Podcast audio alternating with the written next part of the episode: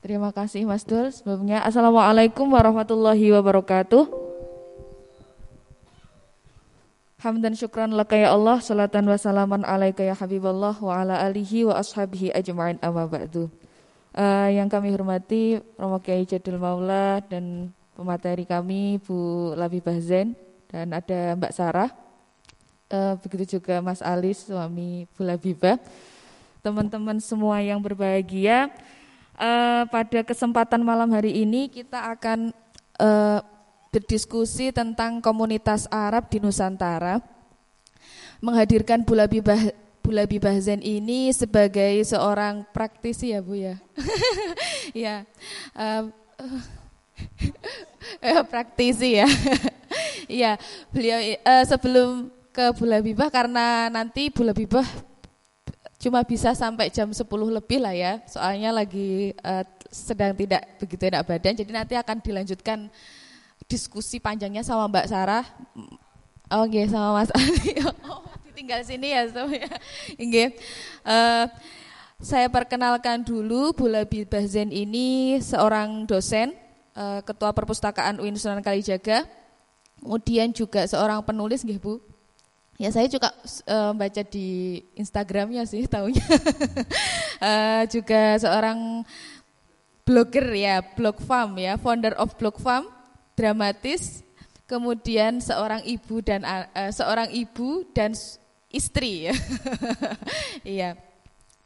uh, kemarin kita sudah ngobrolin tentang candi-candi ya sama Mas Mada terus sebelumnya juga sudah diskusi tentang filsafat Islam Nusantara yang sangat teoritis sekali ya. Kayaknya itu teori yang langit-langit gitu ya. Sekarang kita ini tanya langsung ke uh, praktisinya. Praktisinya langsung sebagai komunitas Arab di Nusantara. Karena uh, perlu teman-teman ketahui beliau ini marganya bin Yahya Labi Bazen bin Yahya. Leres Bu nggih? Oh. Tapi tinggalnya di Jawa dan uh, tetangganya Pak Jadul dari Pekalongan ya. Iya, dari Pekalongan. Nggih, tetangga sini juga ya. Beliau ini rumahnya deket banget dari pondok. satu dusun ya, satu dusun di Klenggotan. Oh ya, mantan mantan Bu RT. mantan Bu RT juga. Iya, mungkin lebih banyak pengalaman tinggal di sininya ke Bulabibah juga ya ini sebagai praktisi. Saya tidak akan berpanjang lebar untuk menghemat waktu dan waktunya Bulabibah maksudnya uh, akan saya serahkan langsung untuk bercerita sebagai seorang komunitas Arab yang tinggal di Nusantara, menceritakan pengalamannya, kemudian perjalanannya bisa sampai ke Jogja mungkin juga ya Bu. Kemudian respon-respon orang-orang sekitar dari keluarga ataupun dari masyarakat eh, tempat Ibu tinggal. Waktu dan tempat kami haturkan.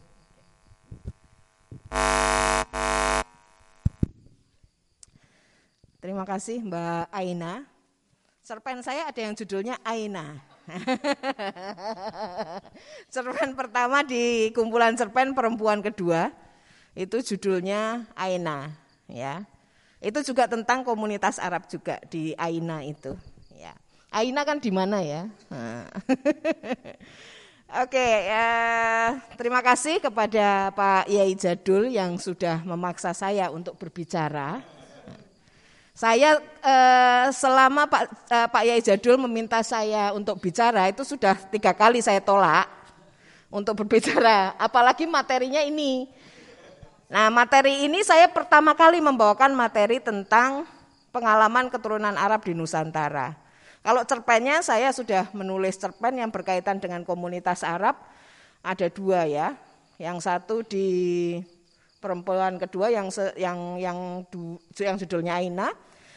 Yang eh, apa namanya yang satunya lagi ada di kumpulan cerpen Addicted Weblog. Eh, kemudian judul subnya sendiri perempuan pengusung tradisi. Itu Uh, Bismillahirrahmanirrahim ya.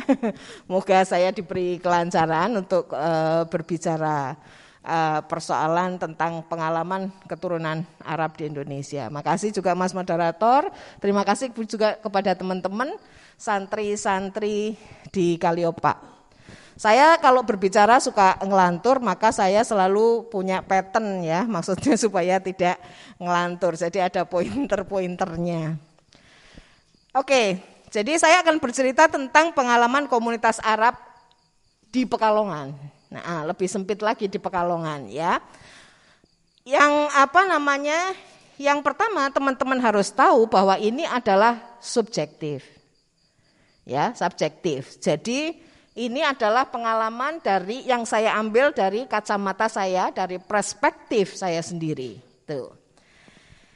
Terus yang kedua adalah karena subjektif, yaitu adalah pengalaman personal. Jadi tidak bisa dijadikan dasar untuk menarik sebuah kesimpulan. Anggaplah bahwa ini adalah dalam metodologi riset, ini adalah studi kasus gitu ya. Nah, jadi tidak bisa digunakan untuk menarik sebuah kesimpulan. Kemudian tidak juga berdasarkan kajian ilmiah karena pengalaman. Ini disclaimernya gitu ya. Kemudian tidak akan membahas sejarah juga karena saya tahu di tornya itu sudah ada yang bahas sejarah ya eh, Pak Yai ya. Sudah ada yang bahas sejarah yang ilmiah-ilmiah itu sudah. Terus eh, cerita saya ini juga sudah 27 tahun yang lalu saya berkiprah di eh, komunitas Arab Pekalongan. Ya, anak saya sudah berumur 24 tahun. Jadi itu mungkin ada gap waktu. Jadi kalau di dalam metodologi itu ada triangulasi ya, maka ada perlu lagi dikaji secara triangulasi waktu. Wah, gitu. Jadi itu yang harus uh, jadi pegangan. Terus saya tidak punya background di bidang etnografi, saya juga tidak punya background di eh, apa namanya di antropologi. Background saya adalah library and information science, ya. Jadi berkaitan dengan literasi, kajian internet itu adalah eh, bidang saya, ya.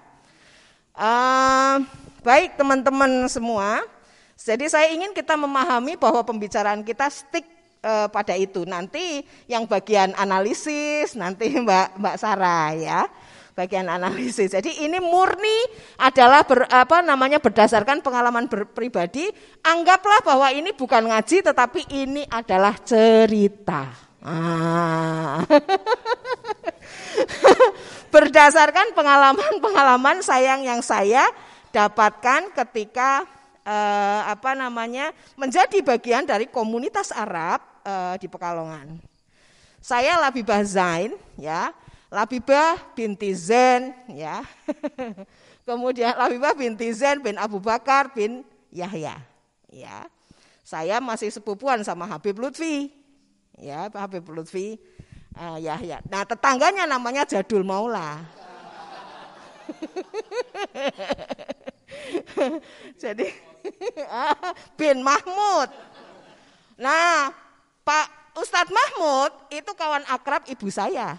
Nah, mubeng-mubeng toh jadinya. Nah, itu. Jadi gitu. Jadi kita bertetangga dan ini akan saya ceritakan. Nah, cerita saya ini berkaitan tadinya saya mau pakai punyanya analisisnya siklukon yang ada tujuh aspek uh, budaya itu ya, yang ada sistem organisasi, sistem mata pencarian, sistem pendidikan dan lain sebagainya. Saya pikir kok terlalu ribet, gitu ya.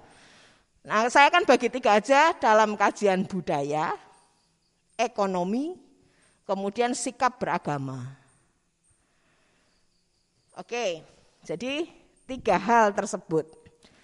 Oke, kita akan mulai dari uh, apa namanya keturunan Arab di Pekalongan. Keturunan Arab di Pekalongan itu dibagi menjadi dua. Jadi tidak semua Arab di Pekalongan adalah Habib. Ya. Tidak semua Arab di Pekalongan. Jadi kalau sering sekali kita misalnya ketika kita misalnya melihat Arab, orang kemudian akan bilang, "Halo Beb, gimana Beb? Semuanya Beb semua." Ya. semua di Beb, Beb gitu ya, atau Sarifah gitu ya. Tetapi tidak demikian. Jadi keturunan Arab di Pekalongan itu terbagi menjadi dua, yaitu satu Habaib, yang itu adalah keturunan Ali bin Abi Thalib. Ya, berarti kita adalah dari dari jalur Fatimah. Ya kan? Itu Habaib yang kemudian jadi Hasan dan Husain, kemudian jadilah ke eh, kemudian ke Yaman. Nah, dari Yaman kami ini yang ada di Pekalongan itu adalah keturunan dari banyak eh, apa dari Yaman. Keturunan Arab yang kedua adalah Masyayeh saya eh, apa namanya masyaye atau kita bilang adalah kelompok syekh. Kelompok syekh ini adalah non keturunan Ali. Jadi biasanya kalau syekh itu kita manggilnya wan. Ya, misalnya wan abud. Uh, kemudian banyak wannya. Tetapi kalau kemudian Habib itu biasanya manggilnya Beb. Saya sering dipanggil Pah. Ipah, Ibah. Pah Ibah, Pah, Pah Lekma gitu ya. Dari Sarifa itu. Jadi eh, pakainya Pah. Tetapi kalau yang eh, yang non habaib atau masyaye itu adalah biasanya manggilnya Wan. Oke, itu jadi ada dua. Jadi tidak semua Arab itu adalah habaib. Nah, habaib sama masaye itu tetap nggak boleh menikah loh. Ya. ya habaib ya dapatnya habaib, masaye ya dapatnya masaye gitu. Dalam konteks pernikahan nanti ini sensitif, awas jangan di ah, ini. Oke. Ya. Uh, jadi walaupun sama-sama Arab, ini saya belum tentu misalnya bisa menikah dengan habaib. Nah, ha, uh, yang habaib itu golongannya adalah al atas, ya. Kemudian as-segaf, al-gadri, bin sahab, terus kemudian bin Yahya. Nah, kalau yang masayeh itu biasanya nahdi gitu ya. Nahdi itu masayeh, terus babsel, Kemudian ada bah bah Yahya. Ya, tetapi kalau ini makanya sering kacau antara Yahya sama Bah Yahya ya. Tapi kalau ada baba itu biasanya masyaye. Oke. Itu uh, dalam konteks marganya. Uh, Oke. Okay. Kemudian saya akan bercerita bahwa di Pekalongan Keturunan Arab kebanyakan tinggal di kampung Arab. Kalau ada slide-nya ada gambarnya ya Mbak ya. Nah, ini ada masjid wakaf gitu ya. Rodok ke sana sedikit rumahnya jadul ini. Ya, sini ya. Nah. jadi jadi di situ. Jadi kita ada uh, kampung Arab.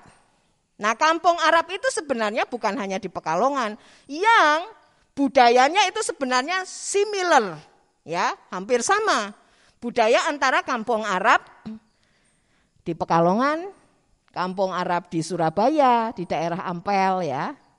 E, kemudian kampung Arab e, di Jakarta biasanya Condet gitu ya. Kemudian kampung Arab di Cirebon itu di daerah Jagasatru.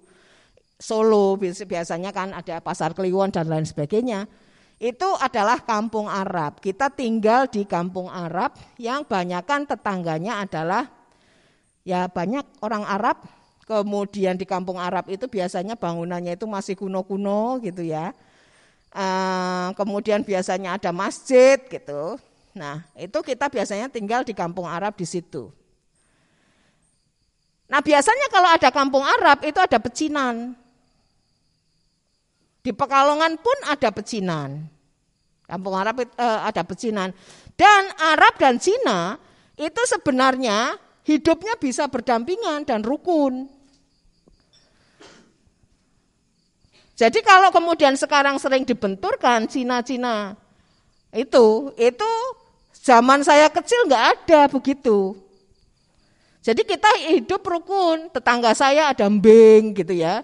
Kita manggilnya kambing, nggak tahu namanya siapa ya. Jadi ada Mbeng, ada Cik, Cik Yok gitu ya. Nanti kalau mereka itu sedang uh, hari raya Cina, uh, itu kita akan dapat itu yang namanya kue ranjang ya dari orang-orang Cina. Yang jualan kan juga orang-orang Cina juga, gitu ya. Kalau kita ada hajat juga orang Cina tetap diundang dan dan rukun. Jadi di kampung itu sebenarnya ada ya Cinanya, ada apa namanya, ada Arabnya, ada Jawa, dan ada Jat Encek namanya. Nah, Encek ini adalah biasanya keturunan dari orang yang luar Jawa. Biasanya kayak Melayu, gitu ya. Kalau di Pekalongan tambah lagi ada keturunan India juga. Nah, di situ.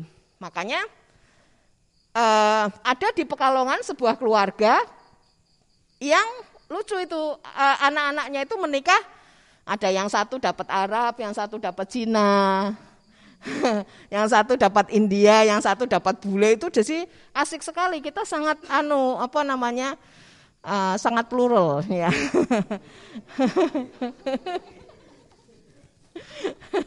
Jadi itu itu itu pengusaha terkenal gitu ya. Tapi saya nggak mau menyebut nama nanti nanti ruwet.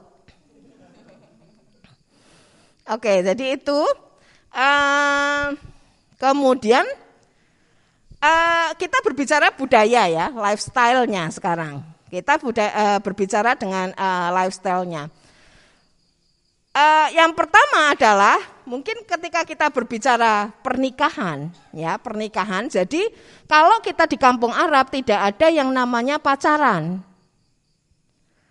ya, tidak ada yang namanya pacaran. Jadi yang ada kita itu dulu, tapi mudah-mudahan sekarang itu mungkin sudah banyak berubah.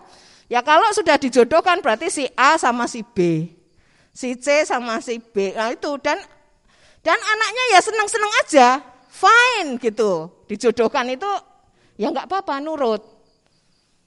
Kan cocok dan saya pikir perjodohan nggak ada masalah kalau ke, asal kemudian itu memang memang cocok. Jadi saya tidak menentang perjodohan gitu ya, tetapi eh, apa namanya sepanjang itu cocok dan nggak masalah. Karena di Arab, di komunitas Arab, kita ada kewajiban untuk apa namanya mempertahankan keturunan. Ya, loh ini keturunan Rasul loh. Lawang yang darah biru aja harus dipertahankan kok. Jadi keturunan Rasul, kenapa mereka mau mempertahankan itu ya enggak ya ya ya bayangkan ada darah Rasul gitu ya, yang harus apa namanya dipertahankan. Nah, e, menurut saya juga enggak apa-apa, ya ada e, perjodohan-perjodohan semacam itu. Dan memang tidak ada yang namanya pacaran. Jadi kalau boncengan antara laki-laki dan perempuan Boncengan tok lu padahal rano popo. Aib. Itu aib. Saya bisa diajar sama abah saya kalau kenangan begitu. Oh, geger geden. Ya, nggak pernah itu ada boncengan-boncengan gitu ya. Tapi sama juga di tempatnya Jadul, Kauman ini uh, santri juga di sana. Di Kauman itu santri juga. Jadi memang Pekalongan itu ya sangat luar biasa, sangat menjaga ya hal-hal tersebut. Oh, no boncengan kalau di tempatnya jadul begitu kelihatan kalian boncengan langsung dinikahkan.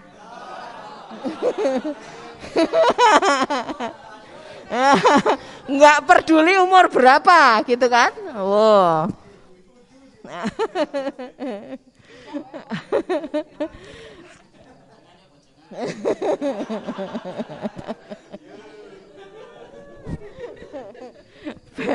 ben langsung ayo apa ya metu langsung di ini di, di, dinikahkan.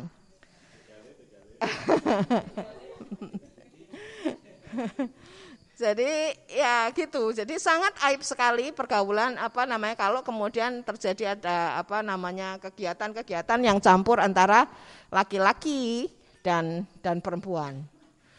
E, pernikahan. Jadi kalau kemudian seseorang itu memang sudah misalnya eh uh, anak anakku sudah gede misalnya bagaimana kalau nanti dapat anakmu? Nah nanti kemudian pura-puranya nanti laki-lakinya itu datang ke rumah gitu ya. Nah, nanti kemudian ditemoni ayo maaf. Ya sama lah sebenarnya ya. Uh, uh, keluarkan wedang gitu ya. Suruh ngeluarin maaf wedangnya kemudian dia ah ini cocok iki ya gitu kan. Terus gimana gimana? Udah oke. Okay? Kalau kemudian oke, okay, ada yang namanya Fatihah. Difatihahkan dulu. Apa itu Fatihah?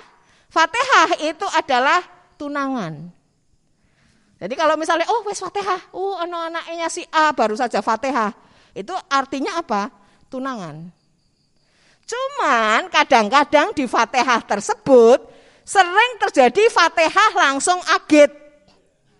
Agit ya, kita ngomongnya agit. Kalau orang Arab itu kof, kof itu jadi go. Agit. Aslinya agit ya. Tapi itu jadi agit. Jadi apa namanya bisa diagitkan langsung, tetapi dalam konteks tidak ada KUA. jadi siri. Itu bisa Fatihah, bisa langsung agit. Kakak saya begitu. Begitu Fatihah, agit. Tetapi KUA-nya masih lama. Tapi selama belum KUA-an, ya enggak boleh datang-datang ke situ walaupun sudah agit. Nanti baru setelah itu, baru setelah KUA-an, baru datang. Jadi tahapnya itu Fatihah, agit, kemudian walimah. Ya. Nah, walimah ini jangan dibayangkan juga dengan kayak pengantin sini. Walimah itu ya juga beda. Walimah itu eh, apa namanya? Eh, laki-laki sendiri. Jadi biasanya pagi-pagi itu walimah. Walimah itu ya nikahan.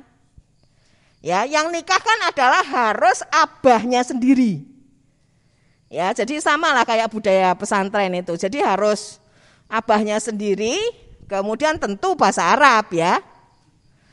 Kobil itu taswijah itu harus hafal. Kalau nggak hafal ya udah ndredek Anda nggak jadi-jadi itu. Dan itu aib loh bagi keluarga perempuan kalau Anda nggak cepet dan lancar. Waduh kok sampai ping telu. Waduh wah mertuane so jantungan itu. Kalau sampai nggak apa namanya lancar bahasa Arab dan lain sebagainya. Jadi itu. Nah, perkawinan itu apa namanya setelah e, nikah baru kemudian pengantin perempuan keluar. Jadi walimah itu hanya khusus untuk laki-laki. Nah, perempuan kemudian e, baru pengantin perempuan e, datang di sama umiknya, baru kemudian ditemukan. Baru malamnya kemudian ada acara resepsi. Nah, resepsi itu khusus perempuan. Ya, jadi mantannya beda. Jadi kalau mantan Arab itu biasanya di gedung Alerzat. Jadi wis ngerti, tapi kalau pengantin Cino itu gedung Prabajaya. Kalau orang Jawa biasanya banyak di gedung PPIP. Ya, jadi itu wis ono ono anune sendiri-sendiri. Jadi sono ini nih. Nah, yang saya lupa di sini adalah ada malam macar juga. Sama, tapi biasanya macar itu ya pasang pacar ya. Kalau zaman dulu pasang pacar kan masih merah-merah toh. Sekarang ada henna, ya kayak aurel itulah ya.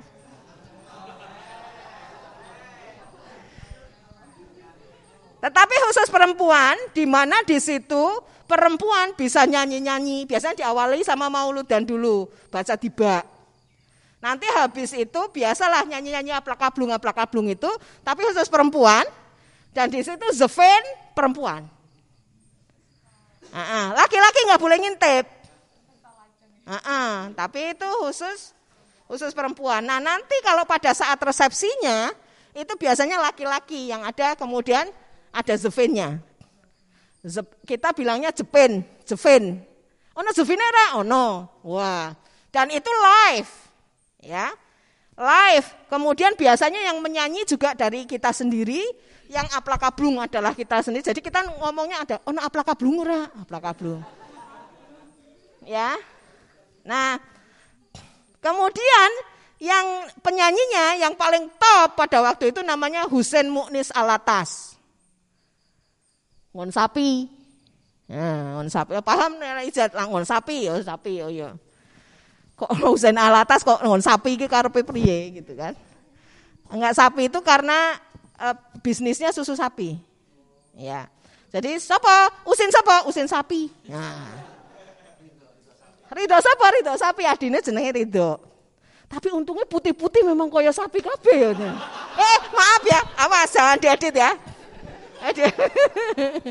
Tapi memang putih-putih kayak gitu itu ya. Oke, jadi itu yang nyanyi. Kemudian nanti kemudian ada yang aplakablung sendiri ya. E, kelompok perempuan dan kelompok laki-laki aplakablungnya berbeda. Ya.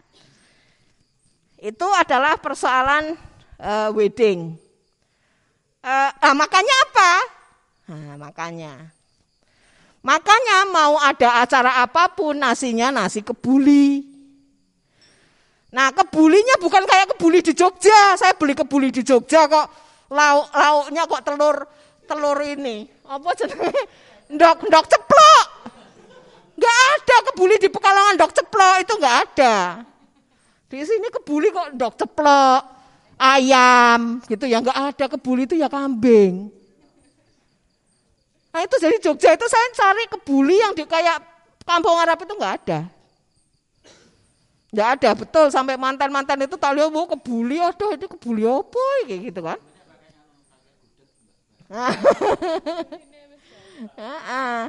Jadi kalau kebuli di kampung Arab itu ya wes nasi saja. Kalau di sini kan kebuli masih dicampur kismis. Ya enggak? Kalau di sana itu ya kebuli, terus lauknya itu semur e, kambing, sambal goreng kambing, nasi apa acar, acar nanas, sama empeng. Enak ra? Wis bayangke wae.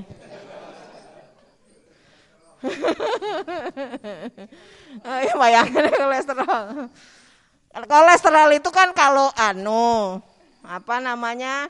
Kalau uh, kalau sedikit, kalau banyak enggak. nah itu ya, jadi biasanya kayak gitu. Terus kemudian suguhannya itu biasanya ya, jadi kalau uh, uh, orang Arab itu mesti adalah berani dibumbu. Bumbunya itu wani, ya. Di sini kadang-kadang waduh bumbunya kurang gitu karena kita persepsinya masih pakai bumbu oh bumbu bumbu Jawa gitu ya. Jadi ada kebuli. Terus kalau lebaran itu suguhannya itu ada kaak. Kue kaak. Itu kayak kalau anak saya itu bilangnya gingerbread. apa namanya? E, roti jahe. Ya, jadi kayak e, apa? gingerbread. Makanya itu ya kaak itu mesti ada di anu. E, kemudian nastarnya itu juga beda antara nastar kampung Arab dengan yang di sini. Beda. Jadi nastar di kampung Arab itu gede-gede, isinya itu juga nas, nas apa e, nanasnya itu banyak. Kalau di sini kan isinya kayak gulali. Di, di maam itu kletok, kletok gitu kan. Aduh, nah gitu ya. Jadi uh, jadi mes, makanya saya kalau ke Pekalongan mesti itu mampir udah pokoknya kita ke uh, apa namanya dulu itu yang yang bagus itu punyanya Barakbah ya kalau sekarang itu punya uh, apa namanya uh, ada di sekitar Masjid Nur di situ yang wah pokoknya enak-enak kabeh. Uh, aku udah ngelih.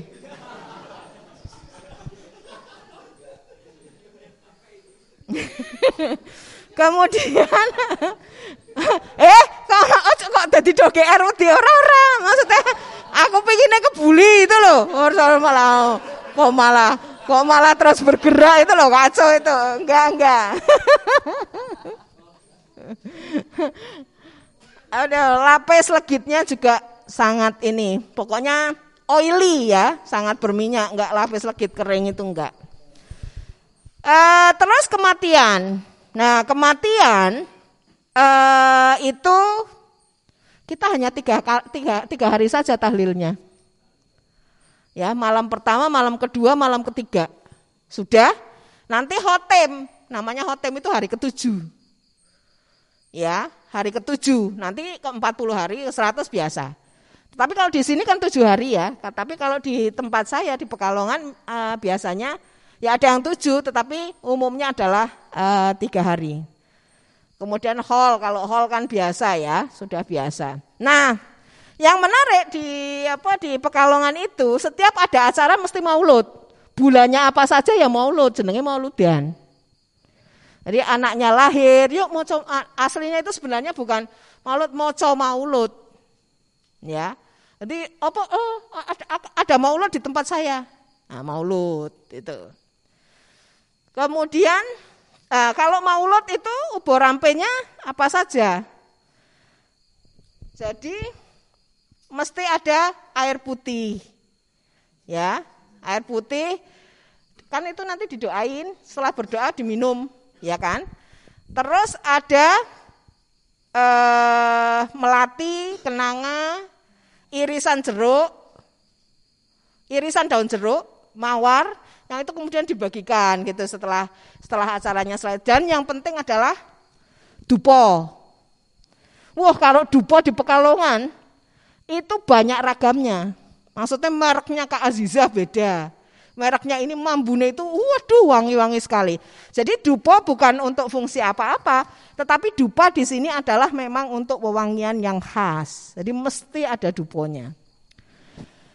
Kemudian baju. Baju zaman saya kecil ya sama sebenarnya seperti orang-orang dulu belum ada jilbab yang rapat-rapat kayak gini, ya. Masih kerudungan seperti biasa, gini, kerudung, ya. Ibu saya itu guru. Sempat diajar ibuku Rajat. Nah, itu ibu saya itu gurunya jadul gitu. Jadi dia harus hormat sama saya.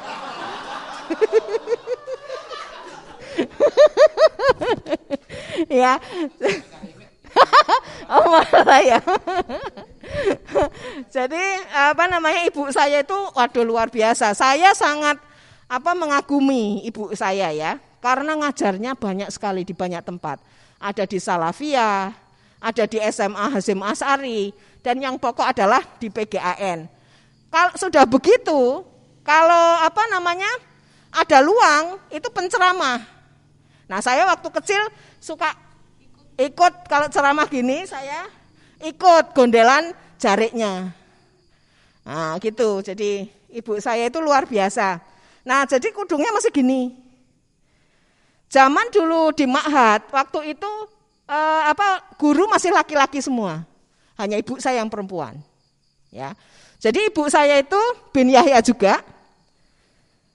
Eh, dia kayaknya seperti menerobos tradisi bahwa anak perempuan ya sudah anak perempuan itu ya harus nikah gitu ya. Ibu saya sempat kuliah di Jogja satu tahun di UII waktu itu kemudian pulang e, menikah.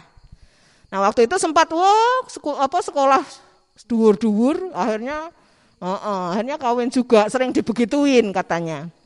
Nah ibu saya itu e, apa namanya seorang guru yang baik, juga seorang e, penceramah yang baik. Pada saat zaman dahulu atau orang-orang ribut bahwa memimpin doa itu harus laki-laki, ibu saya sudah memimpin doa di mana-mana. Ya. Jadi kalau ada upacara, ya, yang ada upacara sang dongo itu ibuku dan itu perempuan. Jadi waktu itu kita belum tahu ada konsep gender dan lain sebagainya.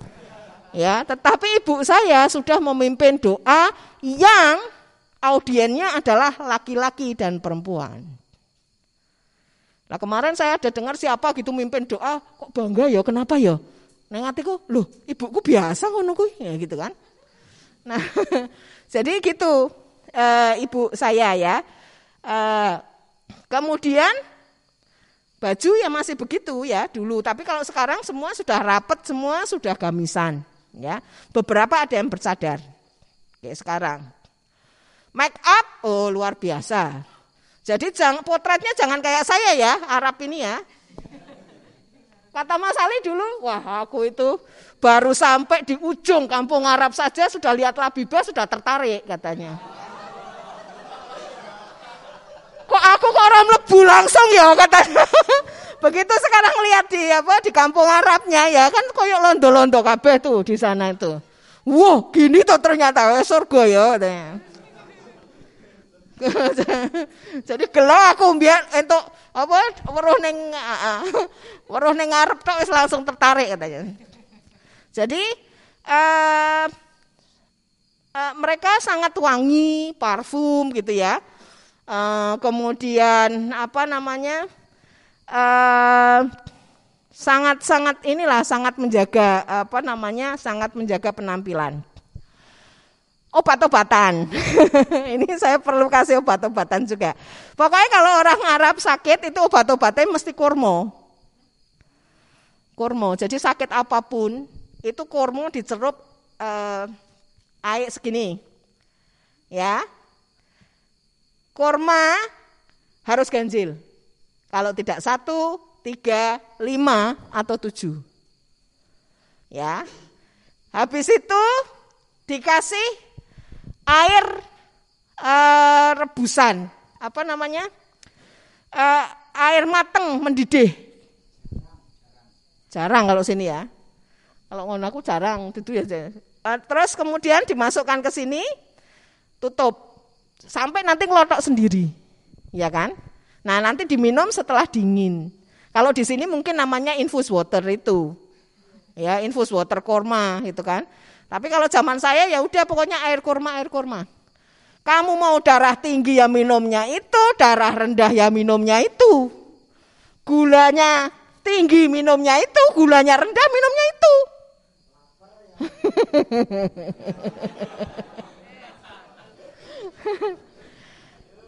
Dan itu memang ampuh ternyata ya. Saya nggak tahu bahwa jadi kurma itu sangat apa namanya sangat menjadi obat-obatan ya. Mungkin sama kalau Ustadz apa Ziyadul Akbar siapa itu?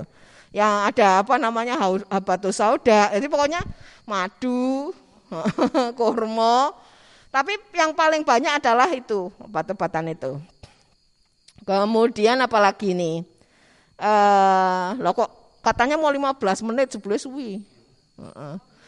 Oke, terus kemudian nah ini ya sebenarnya saya ada gambarnya ini.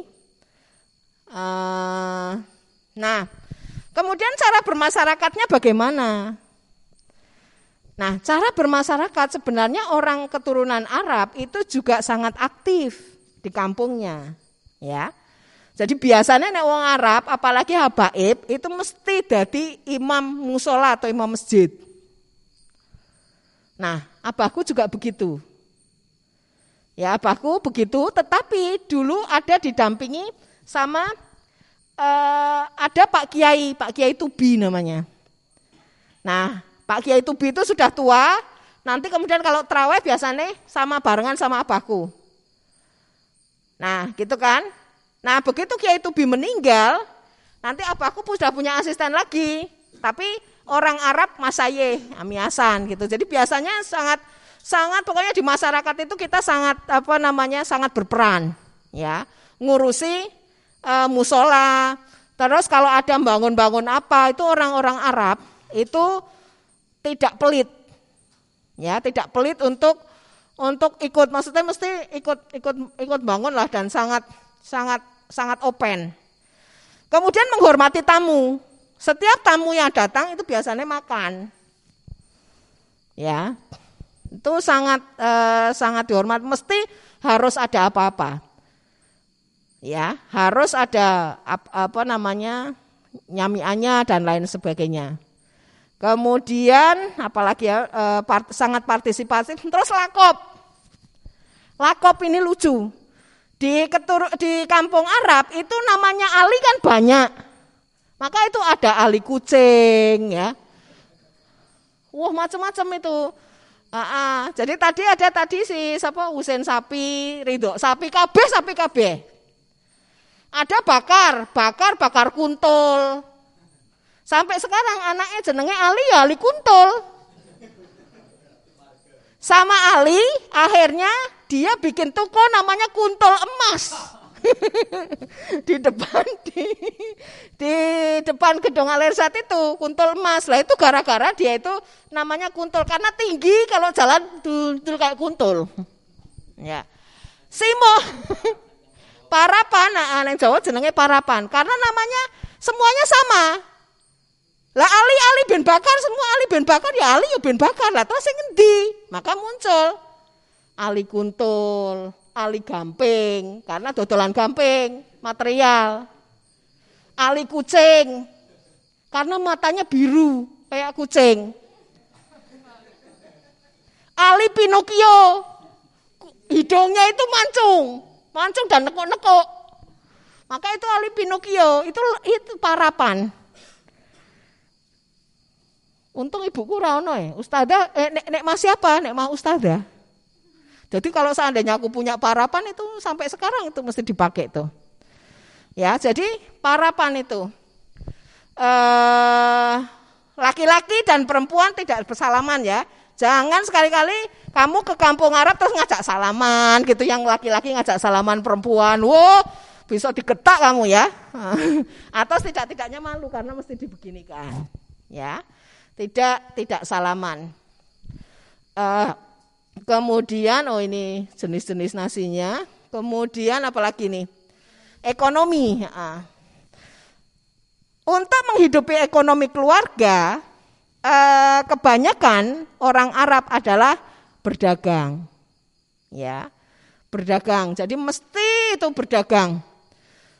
Jadi dagang dagangnya biasanya material, batik, gitu ya kemudian parfum gitu ya. Jadi kebanyakan adalah e, pedagang. Kemudian ada sebagian yang memilih menjadi e, cendikiawan ya, jadi guru, jadi ustad, ustad, ustadah, ya, ustad dan ustadah. Dan kemudian tentu di atasnya ada kemudian jadi kalangan yang memang Habib yang kemudian dihormati. Kalau di Pekalongan kan ada Habib Lutfi sama Habib Bagir Alatas. Jadi dua. Itu yang kemudian kami juga menghormati juga teman-teman yang ada di sekitar itu juga uh, juga menghormati. Uh, hanya sedikit yang memilih pekerjaan sebagai karyawan. Ya, itu kayaknya uh, sedikit sedikit sekali yang karyawan. Nah, yang sekarang kayak saya kan karyawan juga nih kan. Mungkin sudah banyak yang mulai kemudian menjadi karyawan. Tetapi kalau memang disuruh memilih, biasanya mereka walaupun tidak punya uang, mereka berdagang. Yang saya lihat angkatan adik-adik saya itu banyak sekali online shop, ya, buka toko online dan lain sebagainya, dan mereka survive dengan itu. Oke, kemudian cara beragama. E, cara beragama di keluarga itu sangat menarik.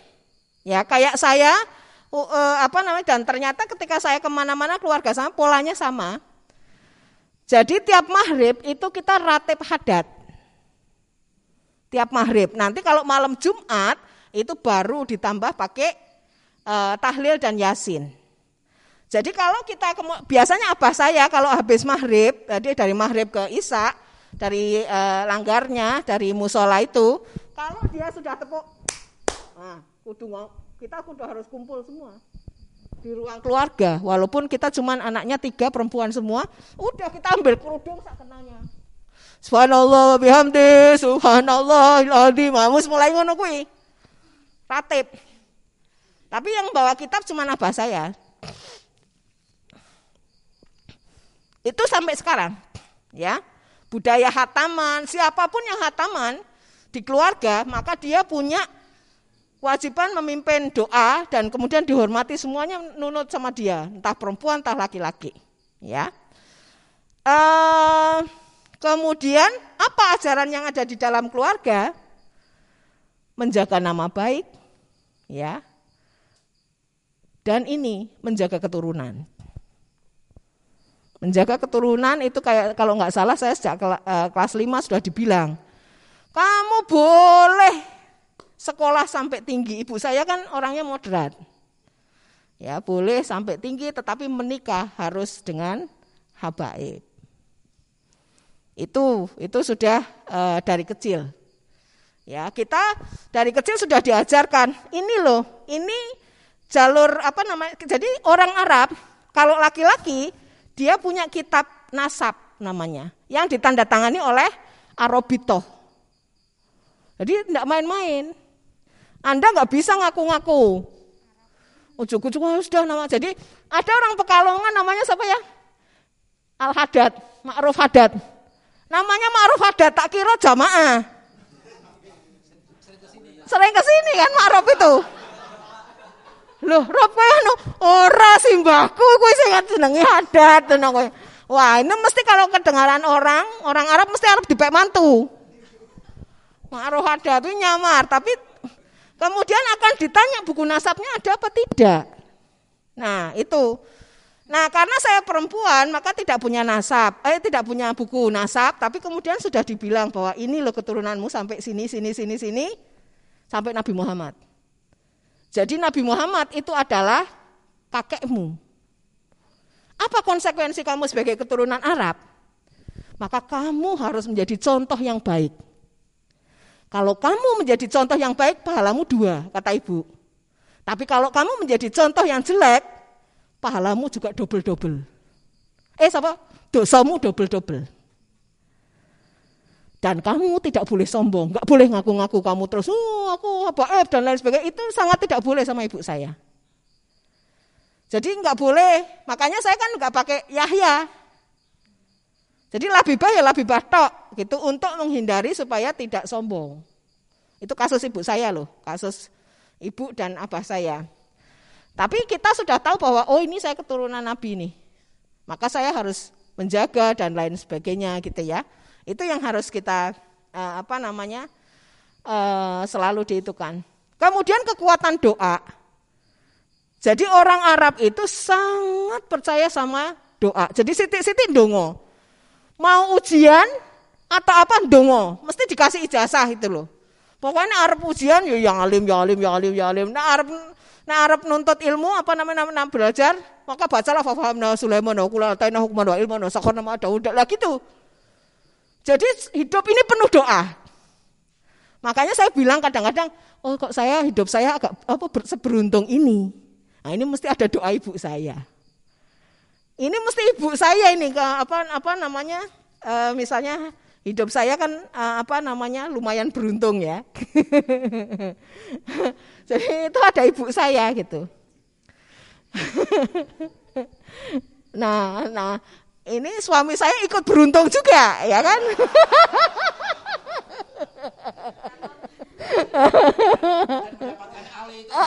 Oh, mendapatkan Ali beruntung luar. saya juga sangat beruntung gitu ya. Untungnya kok entok Ali gitu. Makanya saya sering bilang, ada dosen Win Sunan Kalijaga, uh, dia dapat uh, orang uh, Jawa, ketika dia, eh bojomu siapa? Toto, ah ketoro banget kan ya Jawa, iya kan? Kalau saya kan walaupun Jawa namanya Ali. Ya. Siapa? Ali. Apalagi Cici Farhah itu. Suaminya Supora Harjo gitu kan. Eh diedit ya, diedit.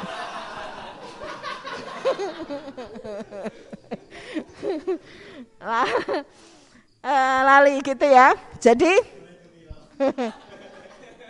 bahkan sampai sekarang itu saya masih mengamalkan dari eh, apa namanya doa-doa dari ibu saya misalnya. Kalau hari apa namanya Ramadan, malam Ramadan 1, 2 dan 3 itu baca Al-Fat.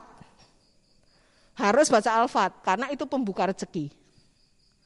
Nah, sampai sekarang masih berusaha untuk ikut apa namanya berdoa-doa yang seperti itu. Kemudian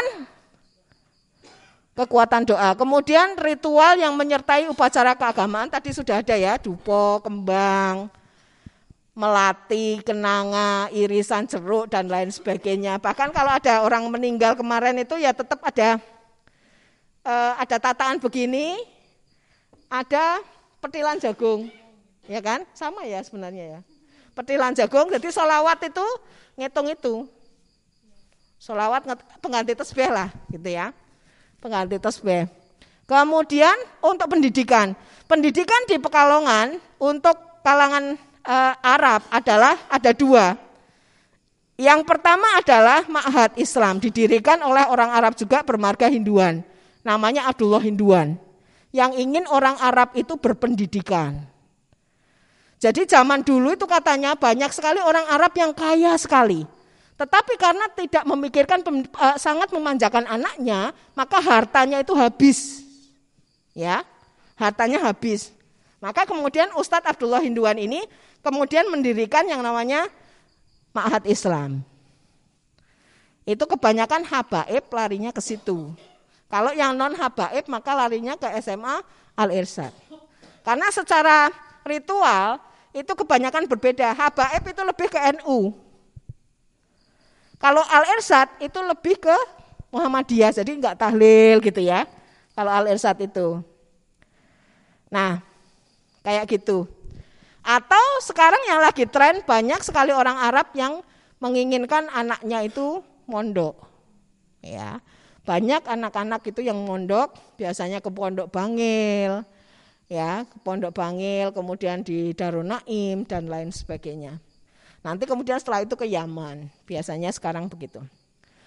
Jadi begitu teman-teman, ya. Kalau saya ini ada lima value, kekuatan doa, menjalankan ibadah yang baik, solidaritas, solidaritas antar Arab itu juga bagus, ya. Uh, jadi biasanya uh, apa kemudian didata siapa yang nggak punya uang dan lain sebagainya biasanya kemudian saling membantu. Uh, uh, hubungan orang Arab dengan orang Jawa itu juga sangat bagus ya dengan orang-orang uh, pribuminya, orang Pekalongannya sendiri itu juga uh, sangat bagus. Saya pikir itu poin-poin. Makasih.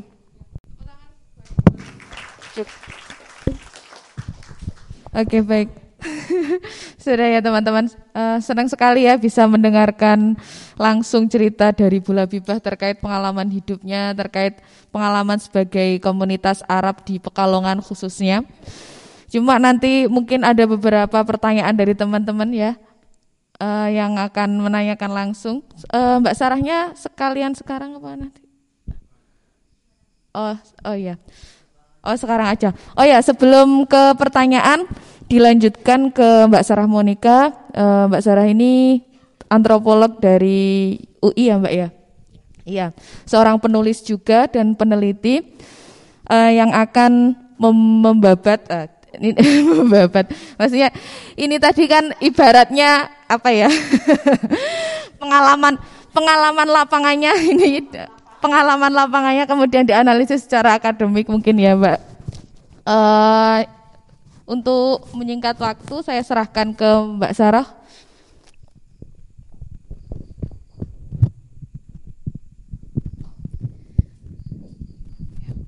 Assalamualaikum warahmatullahi wabarakatuh.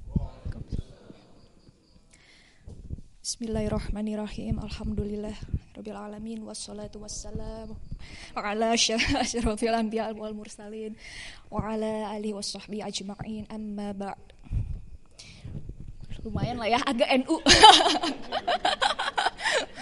uh,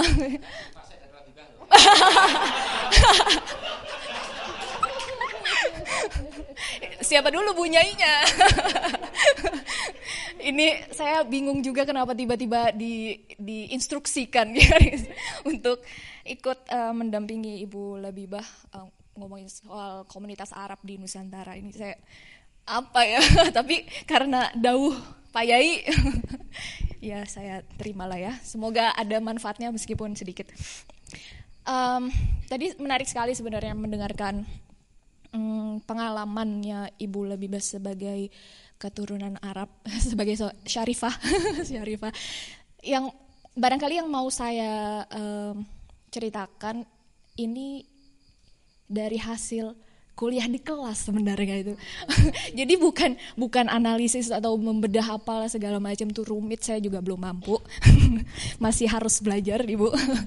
Jadi uh, kebetulan saya saya sedang melanjutkan studi di antropologi UI dan ada salah satu dosen saya yang um, temannya Pak Yai Tony Rudiansyah itu dari Chicago dan beliau punya teman bernama Eng Seng Ho, profesor di Chicago juga, meneliti tentang uh, diaspora Arab di di dunia sebenarnya secara general. Tapi menarik karena kajian etnografinya ini benar-benar membawa suatu perkembangan dalam ilmu antropologi dan juga ilmu sosial secara umum. Kenapa jadi uh, buku ini kalau teman-teman pernah baca atau pernah mendengar uh, judulnya The Graves of Tarim ditulis oleh ya, uh, ya ditulis oleh Profesor Eng Seng Ho. Beliau sebenarnya dari Malaysia, tapi kemudian menetap di Amerika.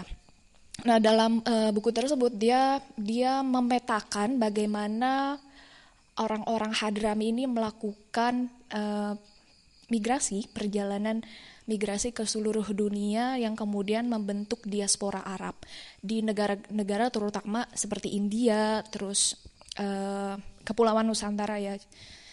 Dan ini berdasarkan hasil etnografinya itu sudah 500 tahun lah perjalanan orang-orang Hadrami. Jadi kalau dalam analisisnya Eng Seng Ho, orang-orang Hadrami ini sebagai the society of the absent. Jadi masyarakat yang yang memang uh, tidak ada di tempatnya gitu, tidak ada di di di negaranya karena mereka selalu melakukan perjalanan ke berbagai uh, negara di dunia sejak abad 13 Masehi.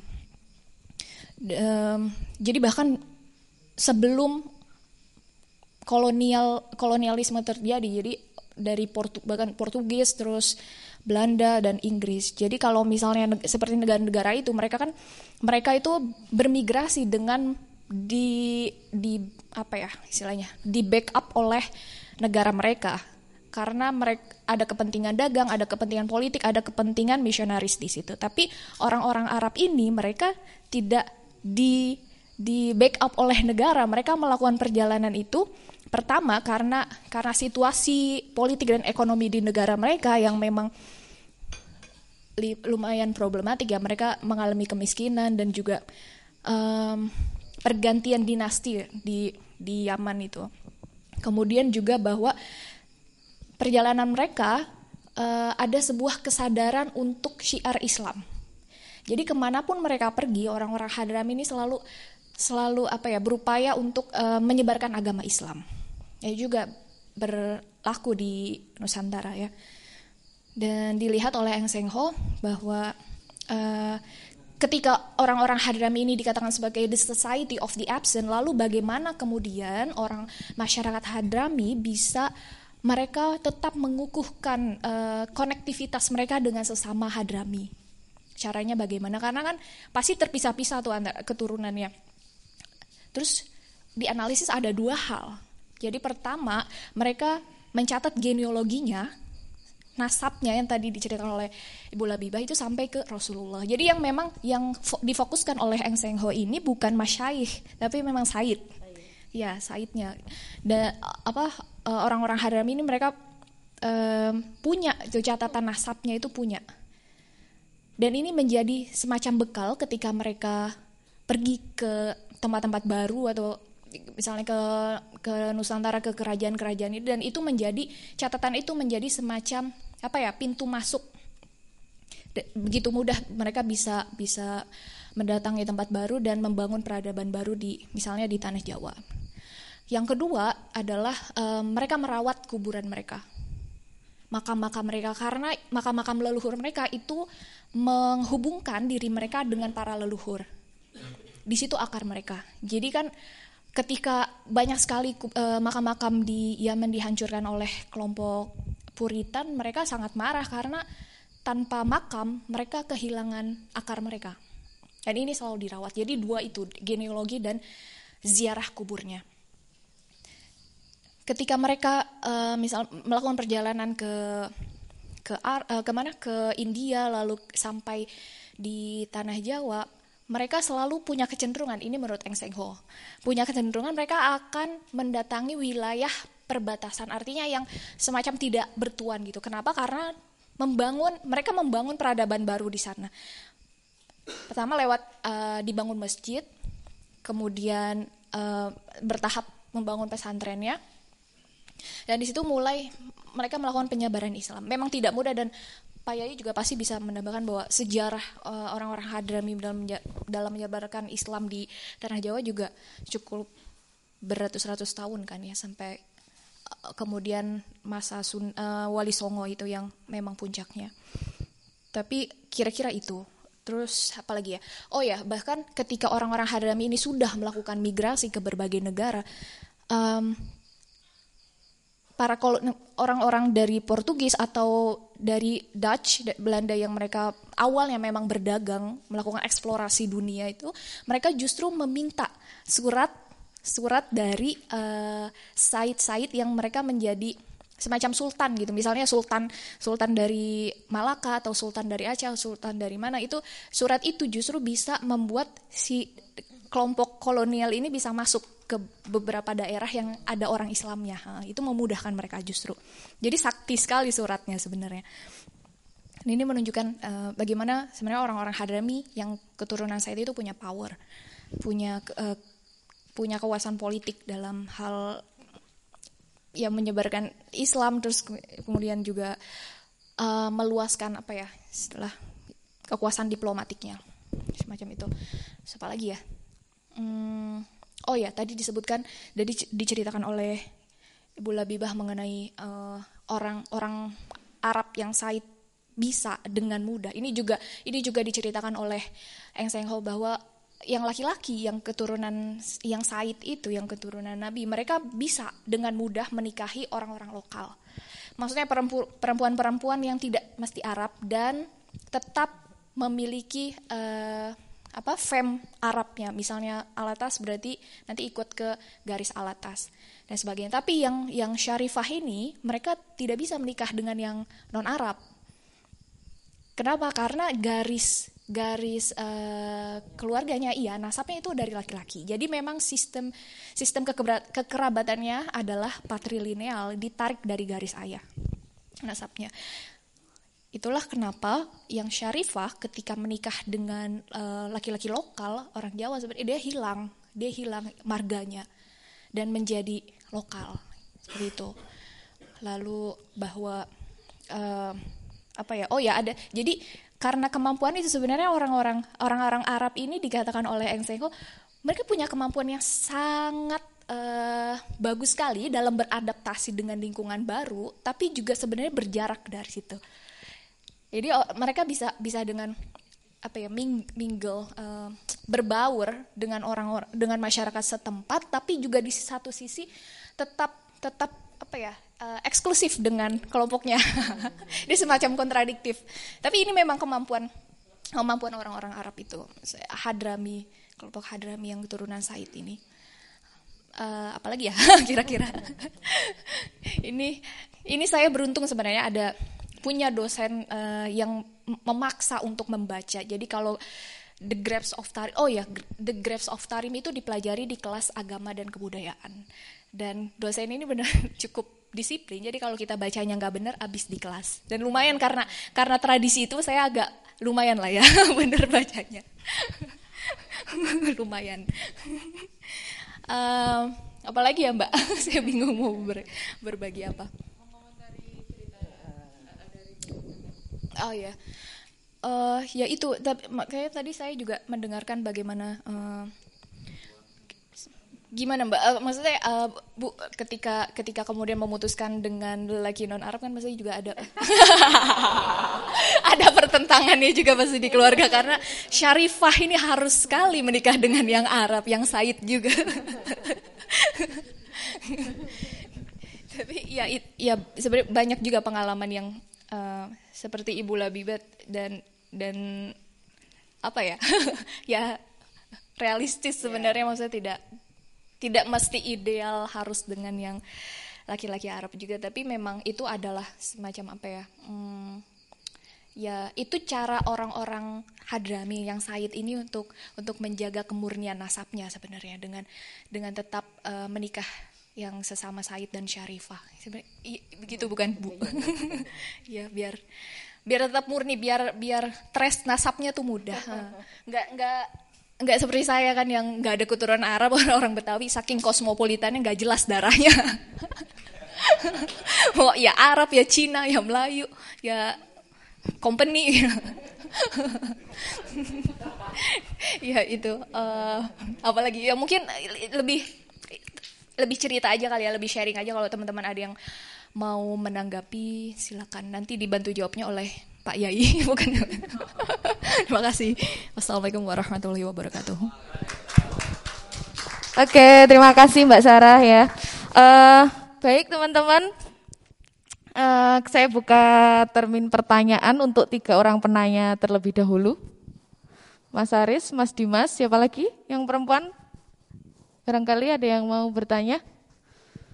Oh belum. Oh. Udah diwakili. Bisa nggak ini? Oh iya. Oke.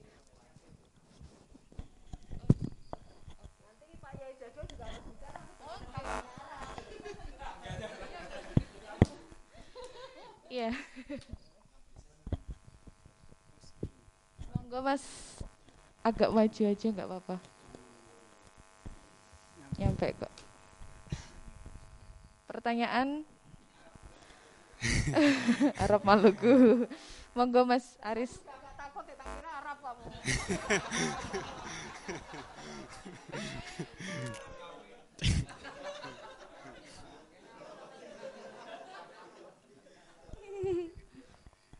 Eh, terima kasih. Assalamualaikum warahmatullahi wabarakatuh.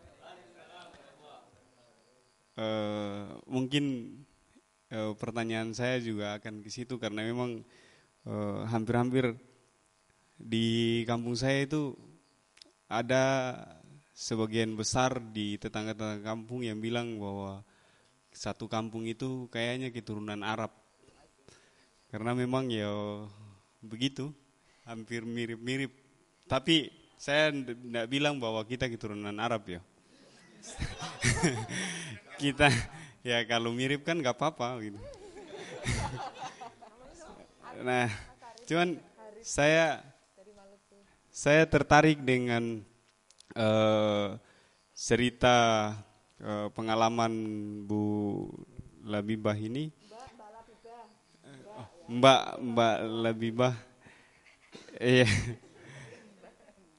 Eh, ada satu cerita menarik yang kita bisa eh, memahami betul bahwa ada eh, pegangan tradisi yang cukup kuat di dalam internal keluarga eh, Arab itu sendiri.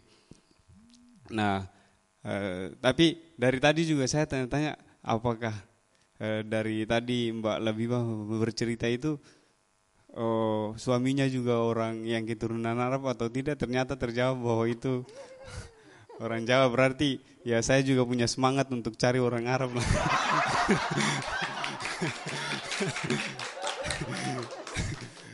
Tapi yang menarik begini, karena ini ada perjumpaan dua eh, karakter yang berbeda yang eh, berasal dari dua kebudayaan yang berbeda dan sama-sama memegang eh, kultur yang kuat.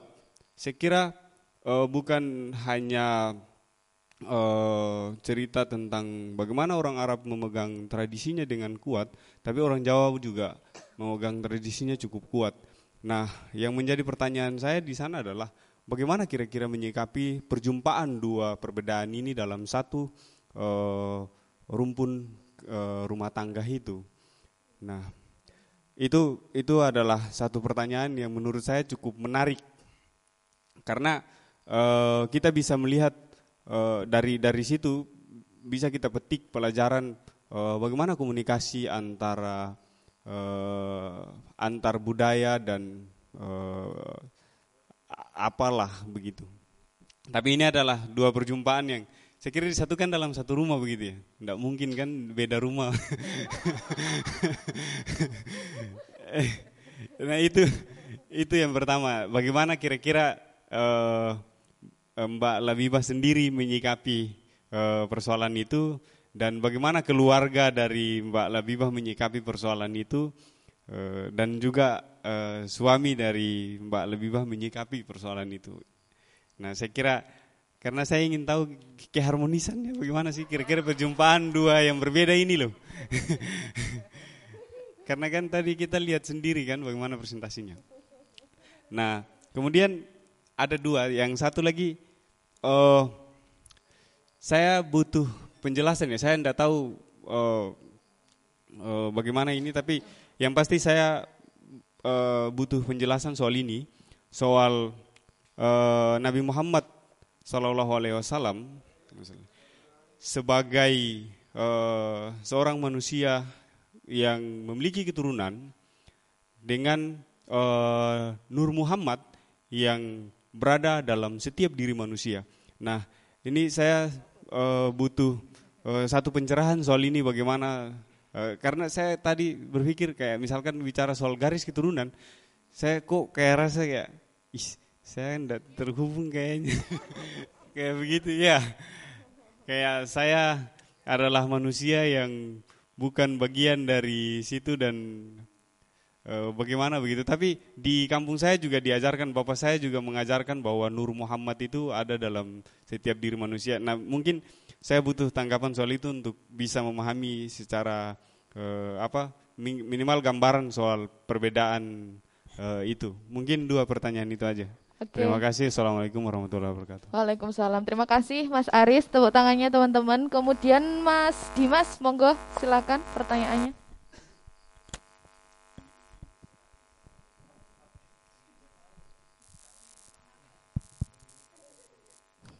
Ya, sebelumnya terima kasih. Assalamualaikum warahmatullahi wabarakatuh. Perkenalkan, saya manggil ibu ya, ya Ibu Syarifah. Ya. Syarifah. Jadi begini Bu, saya sedikit ingin bercerita dulu. Kebetulan alhamdulillah saya tinggal di Tebet Bu. Mungkin Ibu tahu saya sedikitnya pernah nyantri di uh, pondoknya Sakofah Habib Abdurrahman bin Ahmad bin Abdul Qadir Asegab. Uh, bukan uh, dalam artian seperti yang tadi Ibu katakan tentang sebetulnya pernikahan ini sensitif ya karena waktu itu ya sekitar SMP gitu ya. Di situ muridnya kebetulan yang tidak punya gelar itu cuma dua, saya dan teman saya. Selebihnya ya Al-Muhdor, Al-Habsi, Al-Atas dan lain sebagainya seperti itu. Nah, terkait terkait judul kita ini nampaknya menarik berbicara Habib hari-hari hari-hari ini ya. Terutama ketika kita berbicara komunitas Arab misalkan seperti ini. Kalau tadi Ibu berbicara tentang pengalaman, saya ingin melihatnya seperti ini. Mungkin Mbak Monika bisa menyambungkan bahwa ini ada kekaburan gitu loh mengenai mengenai Habib dan Masai gitu ya. Mungkin tadi Mbak Monika mengatakan bahwa sebetul di Hadromaut sendiri karena mungkin banyak gelar kali ya. Ini banyak gelar gitu. Di contohnya gelar bin Jindan gitu. Mungkin di Hadromaut sudah nggak ada tapi di sini ada ya Habib Jindan gitu. Nah, satu. Kedua, ini nih kekaburan ini tuh dalam artian seperti ini. Misalkan uh, kayak ya, saya sedikitnya pernah menulis seperti ini. Misalkan Said Aidrus bin Abdurrahman Al Aidrus kan dikenal sebagai penemu kota kubu di Kalimantan Tengah, seperti itu. Nah, ini kan setidaknya memiliki pengaruh besar gitu. Artinya Habib itu tidak mesti Habib Rizik gitu loh. Enggak ini ini ini ini perlu ditegaskan hari-hari ini ya. Maksudnya maksudnya Habib itu tidak tidak sekarang kan ketika kita berbicara Habib itu hitungannya kan keras seperti itu gitu seperti itu.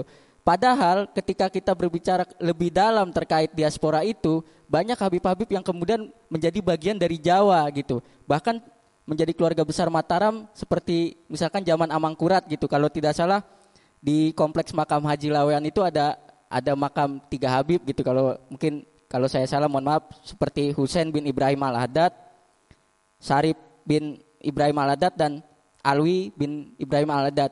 Itu kan jauh artinya jauh sebelum sebelum Indonesia berdiri seperti itu ya. Artinya diaspora itu sudah sudah menyatu. Bahkan uh, di Purworejo sendiri misalkan ada namanya Habib Alwi Ba'abud seperti itu. Itu kan uh, menik yang yang kemudian anaknya ini menjadi uh, apa namanya teman ngaji Pangeran Diponegoro gitu ya. Hasan Maudi yang kemudian pada zaman Pangeran Mangkubumi diberi tanah yang sekarang tanahnya namanya uh, Man apa namanya tuh tadi ya? Mangku Dioson di Purworejo itu gitu di dikasih ya nanti kalau saya ingat seperti itu. Artinya kan uh, ini ada kekaburan gitu loh. Kalau tadi ibu ber, berangkat dari pengalaman, nah saya ingin menanya bagaimana pengalaman ibu sebagai orang Arab hari ini di tengah stigma Habib yang identik dengan yang ya ya ya yang nggak secara personal tapi sikapnya gitu bu. Itu aja. Terima kasih. Terima kasih mas Dimas. Mungkin ada lagi yang menyusul? Pertanyaan ketiga? Tidak ada ya? Baik uh, ada empat pertanyaan ya Mbak Monica dan Mbak Labibah.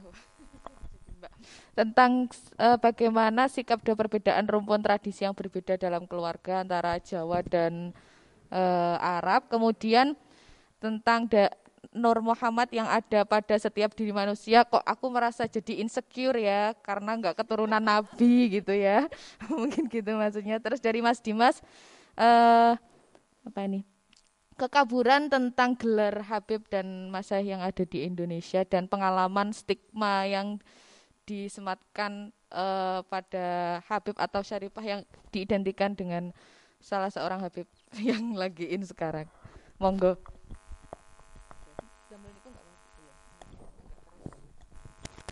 Oke, makasih ya uh, pertanyaan-pertanyaannya, Mas Arif. Bagaimana ini menyatukan ah, Aris? Aris. Arab kok jenenge Aris ora ono. Haris. Oh Haris, oke. Okay. Haris ada. Tak kira Aris. Enggak biasanya saya kalau misalnya dari namanya saja saya udah oh ini Arab, oh ini jamaah nih, oh ini gitu ya. Jadi ada jamaah, ada ahwal memang. Tadi ada yang nyebut ahwal ya. Ahwal itu adalah sebutan dari dari khol sebenarnya. Khol itu kan adik dari ibu gitu ya. Jadi untuk orang-orang yang non eh, non Arab menyebutnya jadi ahwal. Aduh, saya itu sangat menghindari untuk berbicara masalah perkawinan nih supaya gimana ini? Gimana ini? Aduh ini mau saya YouTube kan ya tadinya wah jadi udah bocor sendiri di sini.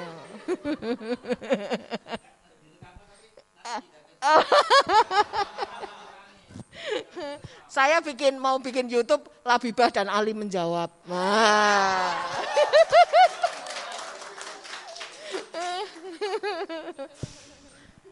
Karena banyak apa namanya bertanya yang seperti seperti itu gitu ya. Nah, Uh, pernikahan bagi saya adalah pernikahan itu adalah seumur hidup ya.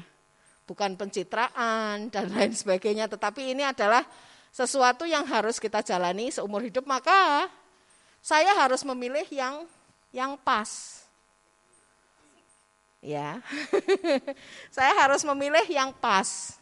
Yang pas itu bagaimana? Artinya yang nyambung ketika diajak e, bicara. Ya. Nah, Mas Ali ini pas dibanding dengan tunangan saya. Oh, udah punya tunangan tadinya ya. Maksudnya yang dijodohkan itu, gitu kan? Yang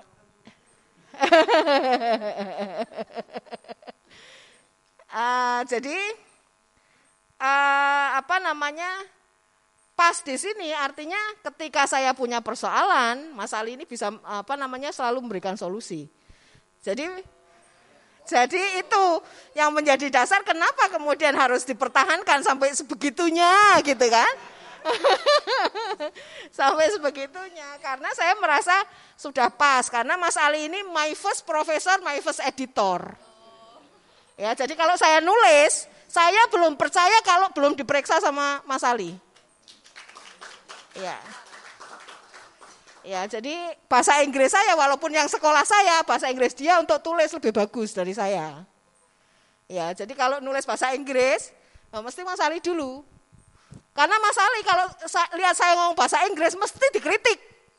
Wah, wah diketawain sama dia. Karena bahasa Inggris saya eh, menurut Mas Ali bahasa Inggris saya nggak pas. Gitu. Jadi Uh, setiap kali utamanya yang artikel-artikel berbahasa Inggris maka harus lewat Mas Ali dulu. Kalau enggak, saya enggak ini, enggak pede. Ya karena dia secara detail dia itu paham di itu sense yang Inggrisnya itu bagaimana. Kemudian grammar yang uh yang mendetil-mendetil ya karena penulis ya. Jadi ya ya kayak gitu. Nah, uh, oke okay, kita kembali lagi ke sana. Karena saya memerlukan seseorang yang kemudian pas jadi saya takut kalau seandainya tidak menikah sama Mas Ali, gimana itu jadinya? Waduh, ini kalau bukan Mas Ali gimana saya ini gitu kan? Nah makanya kemudian muncullah itu keberanian untuk itu, untuk kemudian eh, sama orang tua dan lain sebagainya. Yang tentunya sangat susah sekali saya sampai masuk rumah sakit ya. Susah memang perjuangannya makanya saya menyarankan kepada kalian. Jadi yang kalau ada kamu misal Sarifah mau menikah dengan Arab saran saya satu eh saran ada dua ya yang pertama apakah laki-lakinya benar benar benar baik Jangan sampai kemudian ketika sudah menikah ternyata laki-laki itu tidak baik, kamu akan disyukurkan oleh seluruh komunitas Arab se-Indonesia. Oh, se-Indonesia bahkan sedunia loh. Loh, ketika saya menikah dengan Mas Ali, seluruh Pekalongan mengutuk saya. Iya kan? Bahkan tukang becak ikut-ikutan mengutuk. Pak Ahmad Jat, Pak Ahmad tukang becak ibuku. Nah itu apa namanya jadi ruwet. Yang satu bahwa lelakinya harus betul-betul baik. Ya. Kalau tidak baik, eh terus yang kedua mentalmu harus kuat. Kalau kamu tidak punya mental ini, laki-lakinya kamu ragu, kemudian kamu mentalnya tidak kuat, kamu bisa gila. Nah, dengarkan itu Mas, bisa gila.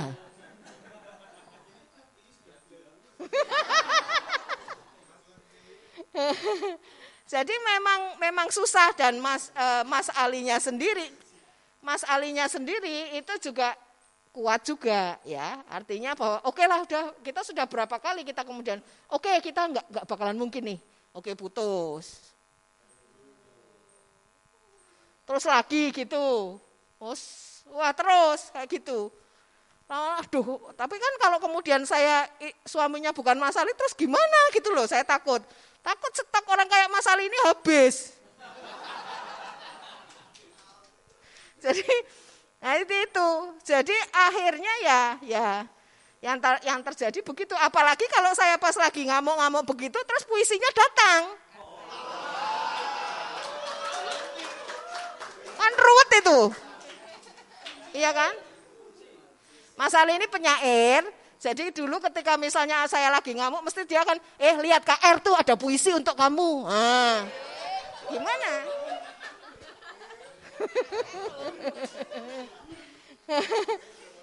Jadi larinya ke koran itu, Mas Ali itu ya. Nah,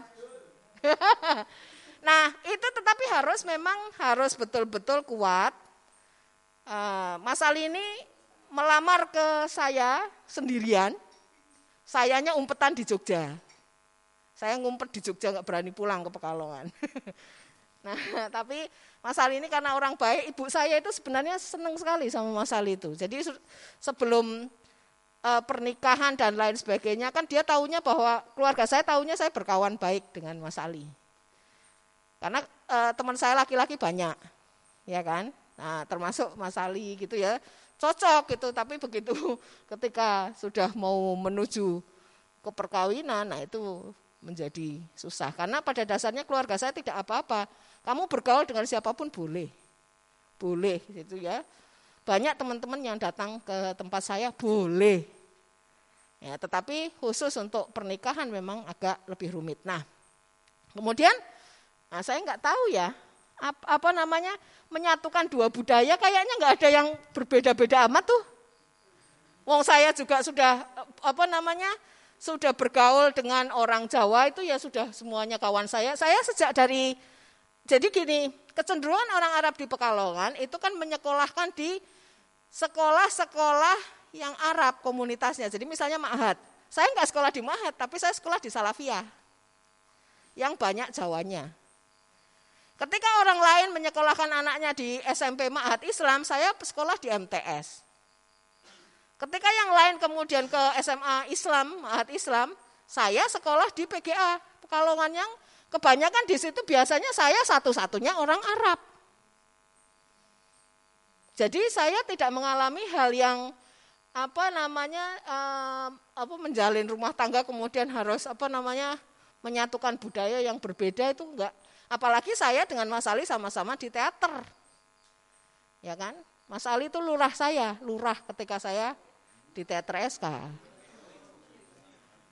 Uh -uh. Jadi dia senior saya gitu ya.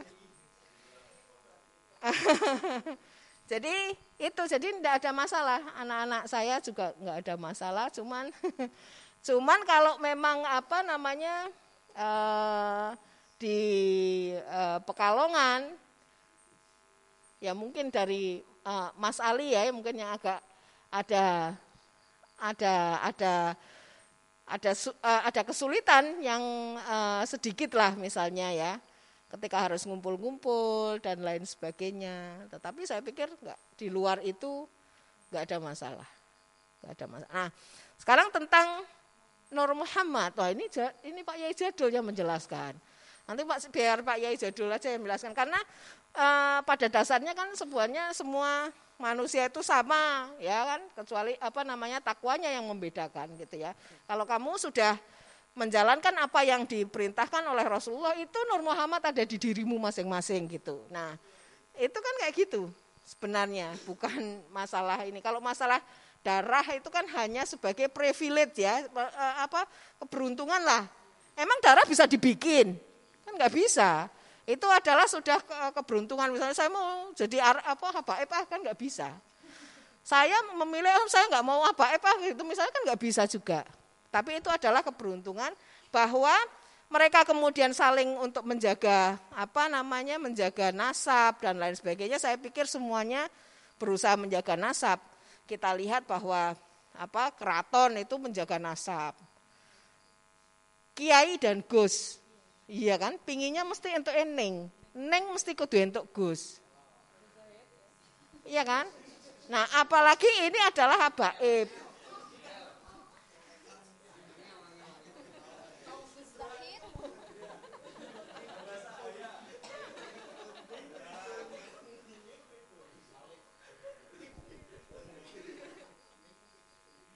Terus apa namanya uh, di antara stigma Habib yang begini, yang apa ya gimana ya? uh, tapi rata-rata masyarakat sekarang ya sudah melek bahwa Habib itu untungnya ada Habib Rizik, ada Habib Lutfi, mas. Uh, jadi kalau kita misalnya ngomong dari Habib, Habib Rizik, mesti kita kan bilang, oh, tapi kan ada Habib Lutfi.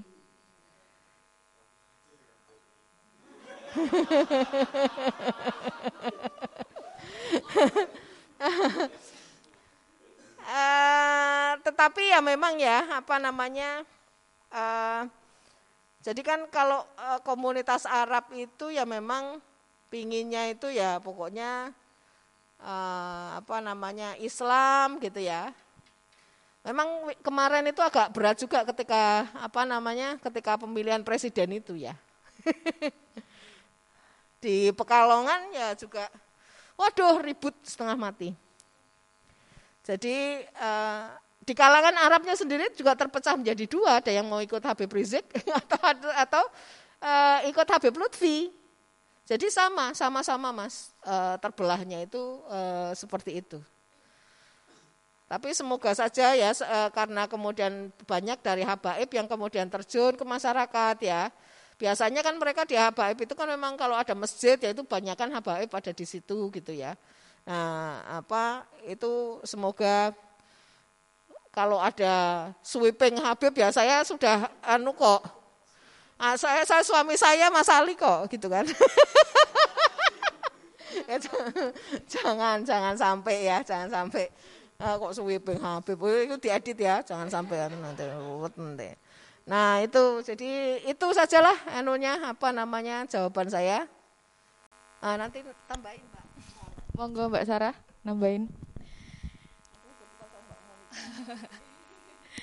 ya apa yang saya tambahin ya. Um, Sebenarnya menarik kalau Eng Hall sendiri sih dalam etnografinya tuh menyebutkan jadi ketika orang Hadrami ini mereka mencari tanah baru untuk perad, uh, untuk membangun peradaban itu dilihat ada cahaya di mana.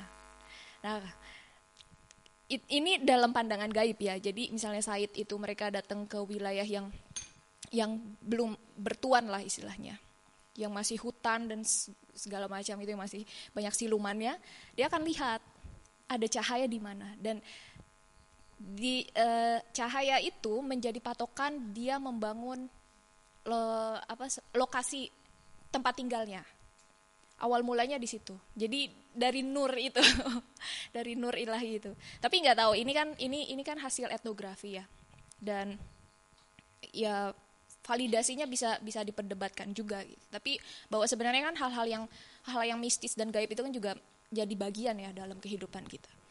Um, terkait bahwa ya saya saya juga setuju bahwa masalah uh, Said dan Syarifah yang mereka memang punya privilege karena terkoneksi langsung gitu dengan dengan nasab Rasulullah juga tidak memungkiri bahwa tiap-tiap manusia juga punya lah nur ilahi itu. Dan ya itu yang harus di di embrace di apa ya di um, menjadi menjadi kekuatan bahwa ya kita sama kok setara gitu. Secara manusia kita setara. Tapi memang kemudian pada perkembangannya apalagi di masa tahun-tahun sekarang ketika gejolak politiknya begitu keras dan menyakitkan ya per, pertikaiannya uh, privilege Habib ini kan menjadi menjadi label untuk dikomodifikasi gitu secara politik. Untuk mengambil suara rakyat untuk uh, ya dengan menempatkan posisi bahwa dia sebagai keturunan nabi dan kemudian akhirnya bisa bisa apa ya memanipulasi lah istilahnya uh, power-power politik gitu untuk kepentingan tertentu. Tapi juga ya ini tidak bisa digeneralisir maka tadi kan Ibu Labibaf juga sudah uh, menyebutkan bahwa selain ada Habib Rizik juga ada Habib Lutfi. Jadi ya balance balance aja dalam dalam pertarungan politik dan power itu di di Indonesia ini. Itu sih dari saya. Lalu apa lagi ya Mbak? ya itu aja. Terima kasih. atas jawabannya. Uh, masih ada yang mau bertanya? Ya. Banyak banget. Tadi disuruh tiga dulu mungkin ya. Oh semua aja. Monggo Mas Lamuk dulu. Labibah. Nggih. Termin terakhir ya nih. Assalamualaikum warahmatullahi wabarakatuh. Nama saya Lamu dari Lombok gitu. Uh, apa ya? Saya dari ya desa lah, pelosok lah gitu. Tapi pada saat uh, aliyah gitu, saya berkesempatan uh, sekolah di ini madrasah madrasah aliyah negeri di Mataram gitu kan. Nah, di sana eh, banyak juga ternyata keturunan Arab itu eh, di sana di anu Arab ampenan kalau kita bilang. Nah, eh, saya saya mungkin tidak tidak terlalu banyak memahami tentang bagaimana silsilah dan pembagian-pembagian itu ya. Tetapi satu hal yang masih sangat saya ingat begitu. Ada semacam uh, eksklusivitas uh, uh, di atau di lingkungan mereka gitu. Walaupun saya nggak tahu apakah itu punya nasab ke Nabi atau enggak gitu. Dalam artian bahwa uh, kita juga sebagai ya katakanlah pribumi itu menjadi merasa gimana gitu. Uh, antara antara rendah diri dan gimana gitu.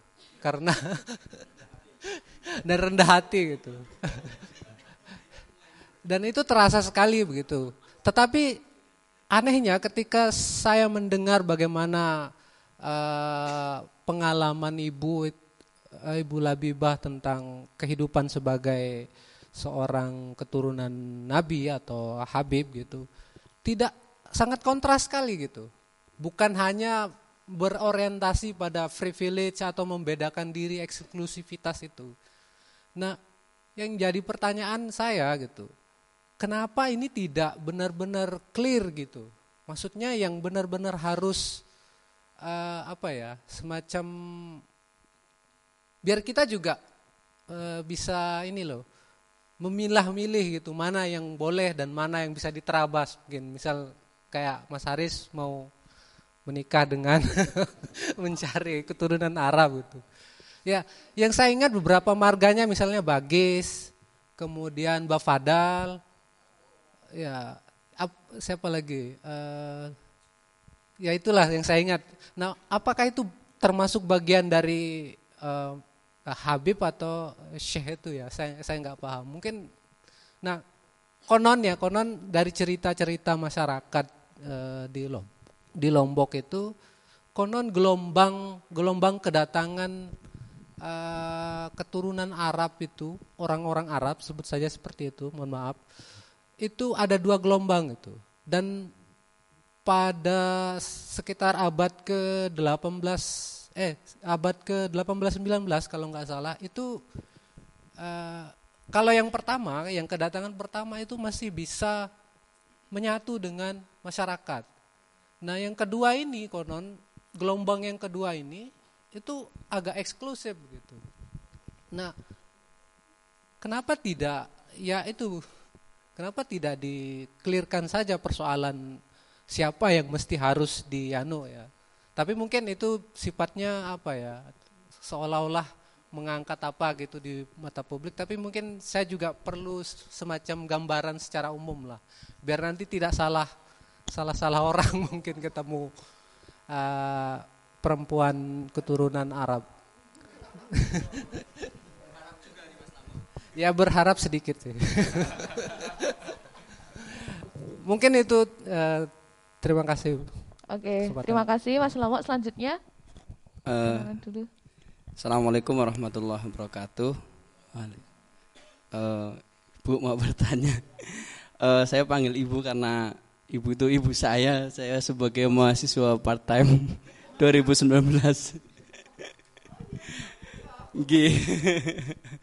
uh, ini Bu yang menarik itu tadi jenengan itu memaparkan bagaimana pandangan para generasi Alawiyin terhadap uh, perkawinan walaupun dia sudah sah secara agama tapi belum bisa satu rumah ketika KUA itu belum meresmikan kayak gitu. Ini menarik karena ketika saya membaca bukunya Van der Broek tentang uh, orang Islam di, Nus di Nusantara itu tidak disentuh sama sekali tentang terkait hal ini kayak gitu. Uh, terus pertanyaan saya, bagaimana pandangan kelompok Alawiyin ini terhadap uh, hubungan hukum negara dengan hu hubu dengan hukum agama? Apakah itu bersifat integralistik ataupun bagaimana? Karena tadi itu menarik tadi sebelum KUA, KUA itu kan uh, apa ya lembaganya negara. Sebelum KUA meresmikan itu tidak boleh adanya satu rumah dulu. Ini kan menarik sekali menurut saya. Dan itu bagaimana pandangan para Alawiyin terhadap uh, hukum ini, hukum negara dan hukum agama itu. Mungkin itu saja yang dapat saya pertanyakan. Mungkin nanti Mbak Sarah juga bisa mengekspor bacaannya terkait ini karena mungkin mendalami terkait Bani Alawiyin ini kayak gitu. Mungkin itu saja. Terima kasih. Wallahumma fiqh. Wassalamualaikum warahmatullahi wabarakatuh. Waalaikumsalam. Terima kasih. Selanjutnya uh, pertanyaan singkat monggo. Mas Iqbal atau Mas Wahyu dulu.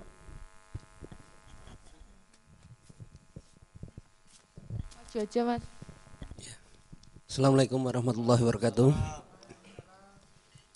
Saya mungkin melihat uh, pengalaman saya di Solo ya. Bahwasanya kelompok-kelompok Arab ini kan bahasanya memang dulu di awal-awal tahun berapa ya? 2000-an awal itu kan. E, mungkin saya dan teman-teman itu kan juga ada yang orang Arab gitu kan. Tapi ya tinggal nyek-nyekan gitu loh itu jadi kalau orang Arab di Solo itu kan namanya encek pasti itu kok celukannya ya encek wah encek encek WC gue nah, gitu ah ini kan bahwasanya saya melihat bahwasanya memang gap itu memang terjadi. Tidak hanya di, oh, tidak hanya Arab tapi juga Cina. Ya kan gitu. Nah, Cina itu kan kalau di Solo itu kan celokane ciduk, Cina deladuk gitu kan. Itu kalau di Solo. Jadi eh, di Solo itu bahasanya itu mungkin komunitas Arab itu atau Alawiyin itu yang mungkin baru-baru kali ini mungkin bisa superior gitu. Kalau dulu awal-awalnya mesti perang sama preman-preman di Gandean itu. Gitu. Terus kemudian saya melihat saya pernah ke Yapi juga. Yapi, ha, Yapi anu terus sama di Kampung Arab Bondowoso itu. saya melihat suasananya kok beda ini gitu kan. Beda kayak Solo gitu loh. Nah, ternyata yang konflik itu malah orang-orang Arab sendiri. Gitu, antara Arab Alawiyin dan juga Masayih gitu. Itu pasti nggak ketemu gitu loh. Nah, kemudian apa sih yang menyebabkan gitu kan? Terus saya runut-runut ternyata pecahnya itu ketika uh, orang Arab ini ternyata mereka itu juga memiliki superioritas sendiri. Membedakan oh kamu Alawiyin saya Masayeh gitu. Jadi sama-sama oh saya yo Arab yo aku yo kudu gitu kan bahasanya kan kayak gitu. Nah, pertanyaan saya gitu kan e, walaupun ini gelombang-gelombang kedua dan bahwasanya juga sudah di apa ya e, yaitu nanti gerakannya di Jami'atul Khair lah itu kan. Uh, uh, gitu kan. Uh, itu kan tapi pertanyaan saya kenapa sih ya ini eksklu, eksklusivitas orang-orang Arab itu kan uh, mengenai sekarang itu seakan-akan ketika mereka datang ya kita harus sambut. Kita harus wah kita harus gini, kita harus ini. Tapi kenyataannya sebenarnya yang pengen saya apa ya kritik itu itu adalah kamu itu sudah di Jawa. Intinya gitu. Kamu sudah menjadi bangsa Indonesia, sudah jadi orang Jawa. Kenapa kamu tidak bisa ber apa ya bahasanya bernaung. Ya setidaknya kalau nasab mungkin itu persoalan lain ya, tapi untuk ini loh kamu itu juga orang Jawa gitu loh intinya kan gitu. Kamu itu orang Jawa. Jadi saya beberapa kali itu melihat anak-anak muda itu ya contohnya di Pare itu punya komunitas sendiri. Komunitas Arab itu. Gitu. Jadi enggak enggak bisa enggak bisa ya kayak gini gitu loh. Ngobrol biasa itu jarang sekali. Ya mereka tetap apa ya?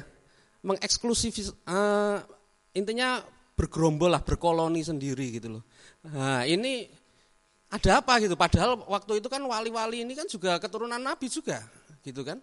Tapi mereka juga tidak pernah bahasanya berkoloni gitu loh. Uh, mereka tidak mengeksklusifkan diri, walaupun tetap kafaah itu pasti, itu kan. Tapi dia intinya tidak mengeksklusifkan diri seperti kayak orang-orang Arab sekarang gitu loh. Nah ini ada ada fenomena apa sebenarnya?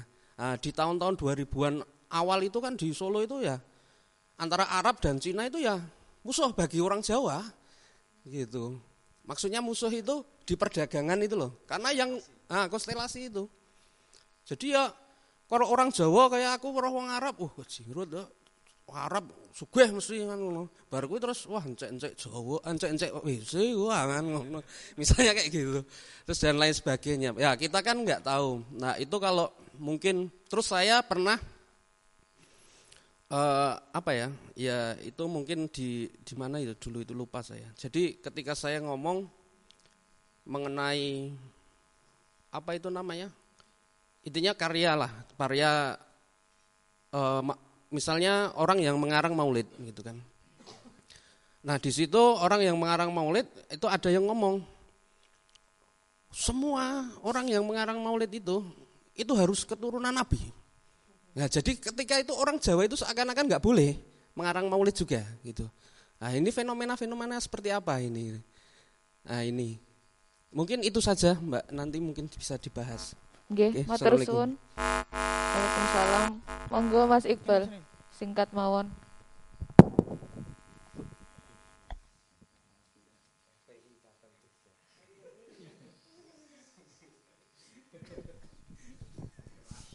Assalamualaikum warahmatullahi wabarakatuh. Uh, nama saya Iqbal, saya mau bertanya soal ini. Uh, dari sekian lama terjadi interaksi antara komunitas Arab dan komunitas Jawa dan Cina mungkin uh, apakah tidak menghasilkan semacam apa ya, produk budaya hybrid semacam itu atau sederhananya mungkin uh, uh, budaya Arab yang ternyata harus menyesuaikan dengan ketidakadaan sumber daya sehingga harus menyesuaikan dengan sumber daya lokal gitu. Uh, kemudian yang kedua soal uh, ini latar belakang apa ya masuknya ke Indonesia apakah terkait dengan apa ya, soal daunnya kanjeng Nabi bahwa Islam akan bersemi di timur gitu. Apakah itu sesuatu yang juga diperbincangkan di dalam komunitas Arab dan menjadi latar belakang kalau yang disampaikan Mbak Sarah tadi menjadi latar belakang migrasi uh, masyarakat Hadrami ke berbagai negara kayak gitu. Mungkin apa ya, contohnya uh, apa yang disebut sebagai cahaya tadi semacam isyarat uh, semacam tanah basah yang mungkin bisa ditanami Islam dalam tanda kutip seperti itu. Matur Assalamualaikum warahmatullahi wabarakatuh. Waalaikumsalam warahmatullahi wabarakatuh. Matur suwun Mas Iqbal dan teman-teman yang sudah bertanya. Oh, Nggih, monggo Mas Wadas tunggal mawon nggih. Ya ini pertanyaan singkat. E, perkenalkan nama saya Mada dari Jogja. Sebenarnya saya mau nanya dua pertanyaan, tapi ternyata pertanyaan pertama sudah ditanyakan oleh Kang Mas saya. Jadi saya mungkin langsung ke pertanyaan kedua. Uh, ini mungkin bisa dijawab oleh Pak Yai juga karena memang keresahan saya akhir-akhir ini mungkin membicarakan tentang identitas ini menjadi sangat menarik kaitannya konteks di uh, apa yang terjadi di tanah Jawa ini sangat menarik buat saya. Kakek saya, bapaknya bapak saya itu seorang Belanda yang datang ke Surabaya namanya Konrad van de Gorts. Nah, kalau kaitannya dengan Islam berkebudayaan atau Islam Nusantara ini seberapa jauh uh, nanti peran hari ini keturunan company ikut serta dalam membangun gerak Islam Nusantara? Karena jujur saya bingung. Kafir gitu kan? Keturunan kafir yang tentunya dimusi oleh orang-orang Arab juga karena bayangan saya itu secara sederhana orang Arab punya uh, hubungan emosional yang cukup dekat dengan Jawa mungkin karena sama-sama Islam gitu.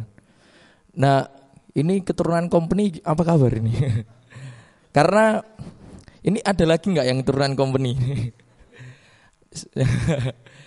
itu karena memang satu dalam uh, pribadi saya sendiri memang jauh dari nilai-nilai keislaman juga karena kakek seorang misionaris yang tapi dilala sekarang uh, banyak juga yang sudah beragama Islam. Nah, ini mungkin saya juga akan tanya ke Pak Yai ini seberapa jauh mungkin ini per, apa, pertanyaan dan jawabannya mungkin bisa untuk saya personal secara pribadi tapi saya melihat tema besar Islam berkebudayaan atau Islam Nusantara ini keturunan kolonial ini yang dulunya ngobrak ngobrak abri Islam ini harus harus bagaimana hari ini Karena karena ya saya kalau ngobrol dengan Pak Yai, dengan Mas Wayu, Mas Dul itu mbah saya itu tertuduh terus. Ya.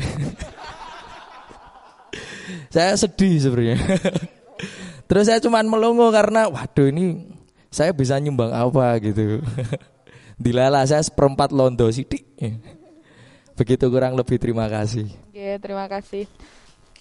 Oke. Lumayan banyak ya pertanyaannya ada lima. Uh, mungkin dari Bola Bibah dulu yang menjawab tadi ada pertanyaan kenapa tidak diperjelas batas-batas boleh dan tidaknya terhadap gelar-gelar yang antara syekh dan habaib. Kemudian bagaimana pandangan Alawiyin dengan hukum tradisi dan negara tentang yang uh, sudah dikasiri tapi belum boleh dikumpuli tadi. Terus dari Mas Wahyu ada uh, eksklusivitas orang Arab dan fenomena yang terjadi saat ini dan ya latar belakang masuk ke Indonesia ya Mbak. Nanti Mbak Sarah bisa bantuin jawab dan uh, dari Mas Iqbal tadi ada pertanyaan bagaimana budaya Arab yang uh, apa ya maksudnya hybrid, hybrid ya yang SDM-nya nggak ada tapi dia harus menyesuaikan dengan orang Jawa gitu. Iya. Monggo Bu, dipersilakan. Ya karena ini berdasarkan pengalaman ya saya sambil ngiling-ngiling gitu kan ya. uh, Oke, okay, uh, eh, saya tarik uh, kesimpulan dari beberapa pertanyaan itu ya. Saya satukan itu mengenai eks eksklusivitas. Iya kan, semuanya uh, yang tadi bertanya rata-rata uh, bertanya tentang eksklusivitas uh, apa komunitas Arab.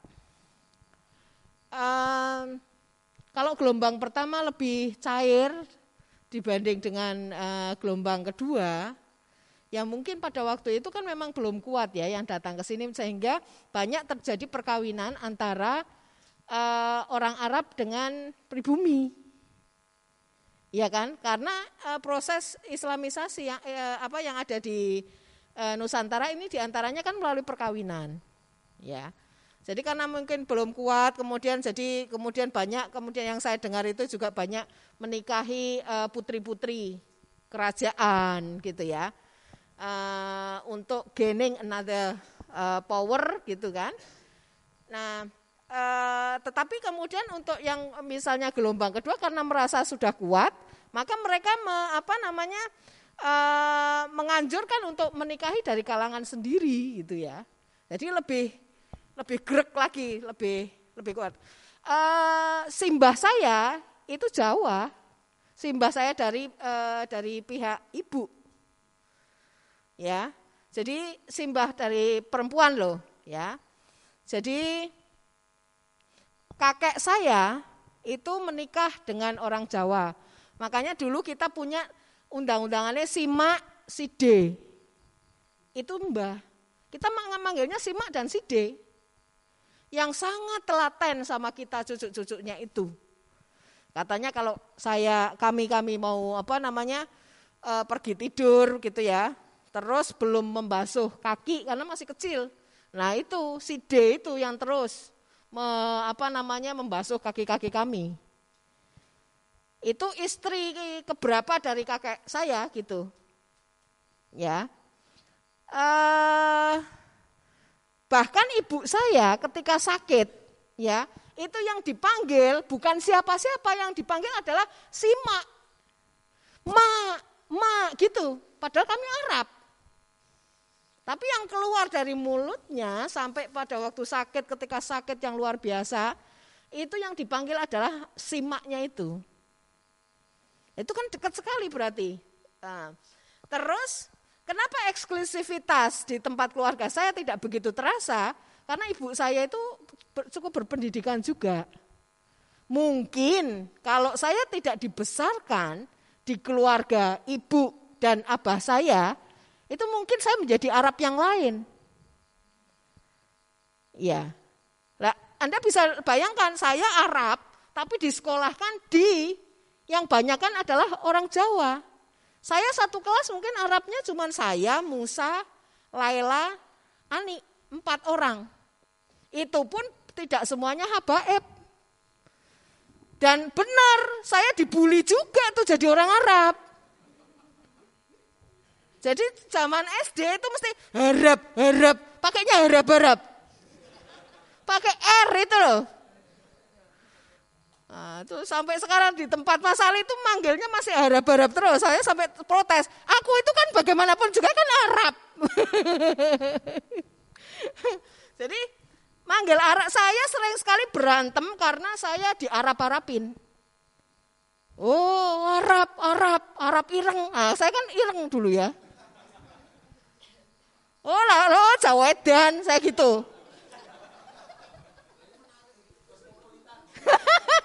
Jadi zaman itu dulu gitu, dilalahnya kepala sekolah saya Bu Ustadzah Fadlun, itu Arab juga, bandnya Musawa. Jadi ketika saya juara, orang nggak nggak percaya, ya karena pada Arabnya ya jadi juara. Nah, nah itu kan menyedihkan itu. Saya itu terbuli-buli itu, jangan dikira jadi Arab itu tidak menderita.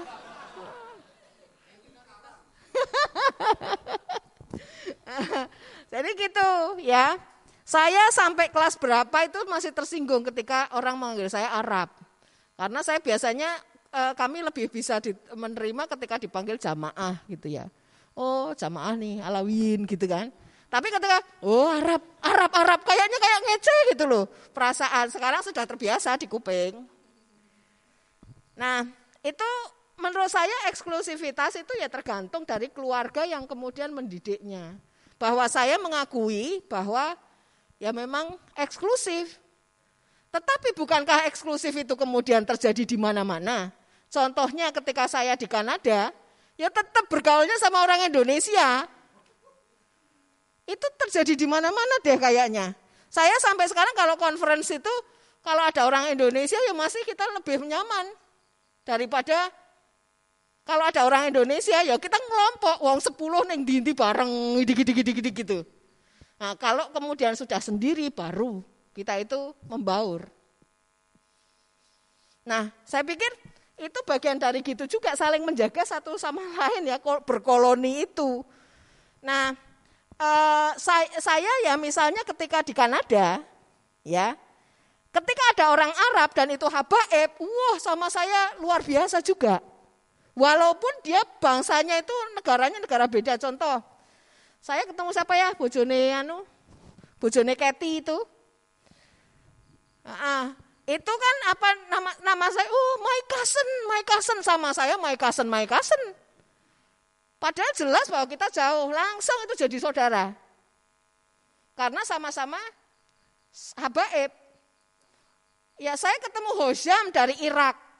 Ya itu Al-Madhi Irak langsung itu begitu tahu saya jamaah uh, udah beda perlakuannya ini negara beda loh bukan hanya Indonesia Apalagi ketemu sesama Arab di Jogja misalnya. Kita ada organisasinya loh waktu zaman mahasiswa.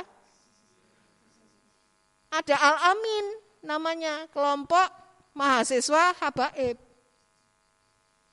Al-Amin, saya pengurus. Tapi nomor satu juga kawin sama Ahwal.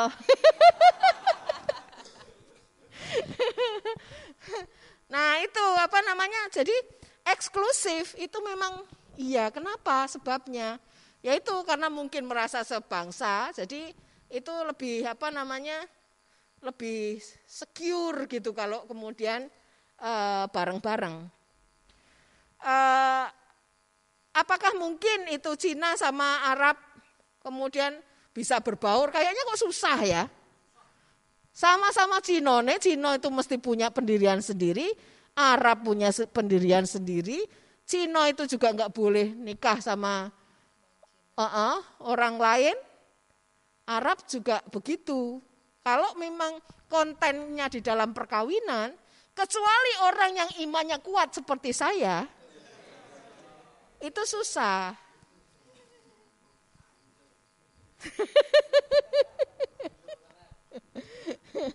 Angel toh.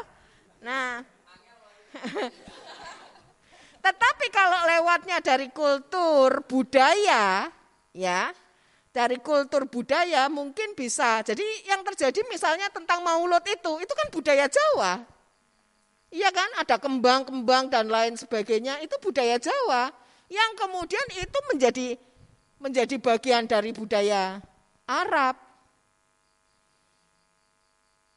Tapi masuknya dari situ.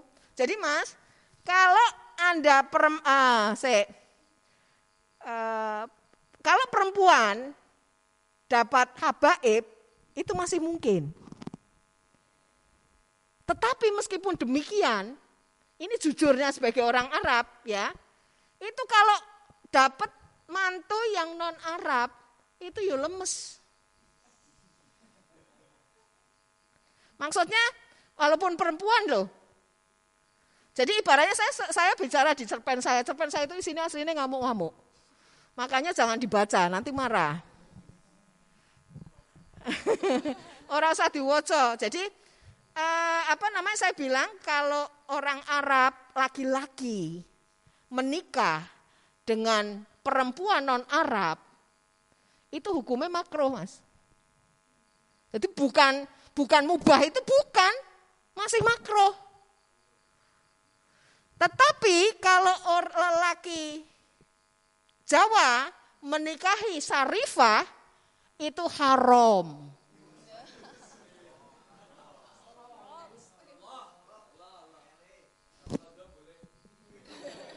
Londo juga nggak boleh. Apalagi kafir ya. Lawang wes jelas misalnya ya kayak santri. Kayak masalah ini kan santri nih. Iya kan? Bahasa Arabnya yo pinter, ngaji yo Arab gundul yo bisa, ngimami yo bisa. Itu ya tetap salah. Nah, gitu kan? Sangat apa namanya? Sangat sangat uh, parah. Jadi uh, apa namanya? Ya memang eksklusif. Jadi kalau memang kemudian Anda menembus itu, ya caranya bukan dengan apa namanya? Bukan dengan perkawinan ya tetapi coba dengan persahabatan karena banyak juga orang Arab yang kemudian apa namanya bersahabat dan kemudian bisa setelah butuh waktu lama misalnya ya untuk memahami satu sama lain itu banyak juga kok yang akrab dengan orang-orang uh, Jawa. Nggak bisa. Bisa ya, bisa tetapi syaratnya tadi itu loh. Harus kuat, baik dan kuat mental. Kalau tidak, gila. Nah, itu wes. Ah, uh, edan. Fulus ora payu neng kene. Apa kalau berkaitan dengan darah ya. Tidak tidak berkaitan ente mau fulusnya banyak, oh metu ente iya, bahasanya kan kayak gitu kalau di Arab itu. Ente mau fulus banyak apa mau zuat sama uh, anu sama binti, oh tidak mungkin. nah gitu. Hah? Oh iya, jadi fulus pun nggak bisa. Jadi bagaimana itu? Jadi susah memang uh, apa namanya? Nah, uh, Bafadol itu ya, Bafadol itu bukan bukan habaib mas. Dan saya lihat banyak mahasiswa saya nikah sama Bafadol itu nggak apa-apa itu mas. Kemarin-kemarin itu saya lihat. catat catat di Lombok juga di Lombok juga jadi jadi memang eksklusif itu saya pikir budaya bukan budaya ini, bukan budaya eh, Arab saja, tetapi itu eksklusif orang Asia. Jadi saya keluar negeri, lo Cina ya Cina, kamu pulang kalau Cina. Enggak orang Indonesia bayangkan orang Indonesia yang kuliah di Megil misalnya ya, itu ya satu building orang yang tadinya nggak bisa bahasa Jawa malah bisa bahasa Jawa, itu malah bisa bahasa Inggrisnya lancar. Karena tinggalnya di situ, kampung Jawa kita sampai bilangnya. Jadi eksklusif itu bukan eh, bukan apa namanya bukan milik orang Arab saja, tetapi adalah milik orang Asia saya saya lihat itu. Uh, ya caranya bagaimana ya caranya ya masuk aja. Jadi anda anda kalau punya sikap ndablek ya ndablek aja. Uh, ndablek. Uh, ini ada kasus ya misalnya kayak Kaji Habib itu loh Kaji Habib itu kan istrinya alatas tuh. Uki Uki kan alatas. Itu ya nikahnya juga susah juga. Tapi Habib itu kaji, tapi kan namanya Habib. jadi jadi kata kata Matoria Elwa waktu itu ibunya Uki keturutan itu bah apa? Lah pingin Uki nikah sama Habib? Nah, dapatnya Habib juga. Padahal ini Habib Allah. Nah itu yang namanya Habib itu ya ketawa-ketawa aja. Jadi dia ditolak ya hehehe, ditolak hehehe gitu. Akhirnya malah dia cepat berbaurnya dengan keluarganya itu. Jadi kalau mau ya, kalau mau berbaur ya double. Uh, uh, teknik terus kemudian salaman sama orang Arab itu juga harus saya dari kecil ya ini budaya juga dibiasakan. Pokoknya kalau salaman sama keluarga gitu ya, itu kalau salaman itu harus bunyi loh. Nah, gitu loh. Nek urung muni, urung takdim. Nah, jadi harus bunyi, ayo baleni, baleni, stot gitu ya, disedot dan lain sebagainya.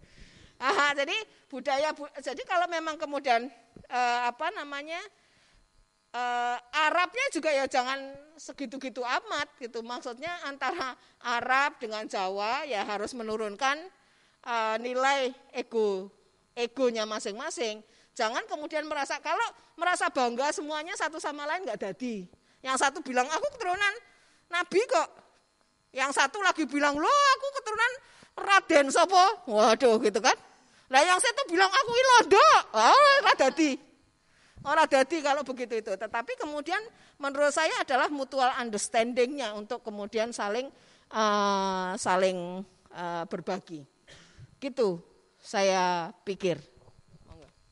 Oke, terima kasih Bu Lebih atas jawabannya. Uh, Mbak Sarah mungkin uh, nanti menjawab juga kaitannya dengan komunitas Arab ter terhadap kontribusi Islam berkebudayaan. oh ya, kasih insight-nya loh ya. Uh, sebenarnya saya mau sedikit menambahkan masalah eksklusivitas ya. Saya pikir saya pikir nature-nya manusia tuh pasti ingin memiliki apa ya konektivitas dengan dengan orang sesamanya misalnya orang Arab pindah ke Jawa mereka pasti akan lebih nyaman, lebih secure tadi dalam bahasanya Ibu Labibah itu untuk dengan sesama Arab. Sama sebenarnya ketika ketika orang Madura ke Jakarta dan ketemu sesama Madura kan pasti lebih lebih merasa klop kan, lebih asik ngobrolnya. Dan begitu juga ketika pergi-pergi ke luar negeri orang Indonesia pasti pasti akan uh, ya cari orang Indonesia juga karena lebih enak ngomong dengan bahasa Indonesia atau bahasa Jawa gitu dibanding kumpul dengan yang uh, orang luarnya. Jadi memang itu itu sifat alami manusia ingin ingin apa ya ingin menjam, menyambungkan kedirian itu dengan yang memang similar kan dengan diri dia baik dalam ras apa ataupun etnis. Uh, kemudian mengenai eksklusivitas ini juga kan saya pikir dibentuk oleh kolonialisme ya karena ketika ketika company datang itu kan mereka membagi masyarakat ke dalam tiga tingkatan ya.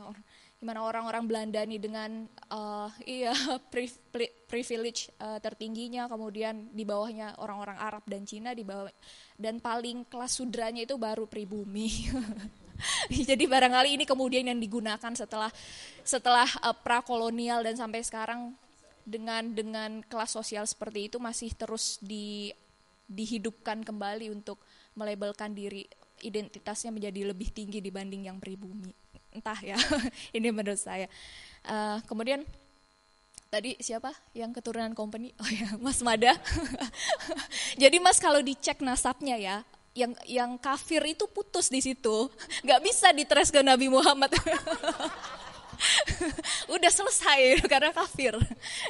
tapi tapi sebenarnya juga nggak tahu ya orang-orang Betawi juga punya lah kalau mau mengklaim ya dirinya ada keturunan company-nya. Mungkin saya ada karena namanya Monica gitu. Enggak, tapi itu bohong. Enggak, tapi itu bohong, saya nggak mau. tapi Monica kan? Monica. tapi intinya ya kalau ngomong hibriditas, orang Arab di ini minimal di Betawi ya. Tradisi pernikahan di Betawi itu baju kostum pernikahannya itu itu Arab loh. Tapi warnanya itu Cina. Dan bentuk mahkotanya atau dari dari uh, apa style kostumnya itu antara yang pengantin laki-laki dan perempuan itu percampuran antara minimal dua itu ya dua uh, dua kebudayaan tersebut Arab dan dan Cina. Dan di keluarga saya sendiri saya memanggil kakek saya itu dengan baba. Gitu. Kalau orang orang biasa melihat misalnya ya uh, kakek saya, terutama dari yang ayah itu mirip sekali orang Arab. Jadi pasti dikiranya anak cucunya ini juga keturunan Arab, padahal ya Arab maklum kali ya. Arab maklum. Mengenai baju tadi ya, baju baju pengantin Arab baju pengantin Arab, itu semuanya di kampung Arab mana pun mesti yang dipakai adalah aslinya Betawi. Itu kan yang pakai topi gini terus ada kembangnya. Nah kembang itu nanti kalau habis nikah itu tinggal rebutan, dimaling. Supaya apa? Supaya nanti dapat jodoh, ketularan. Nah itu kan Betawi ya, itu Betawi, tetapi kemudian eh, sekarang Anda lihat orang Arab mana pun mesti kalau e, menikah pakaiannya itu yang dipakai itu. Itu Betawi itu. Nah, saya nggak tahu kenapa mesti Betawi. Kok nggak gamis sekalian sama ugel gitu enggak.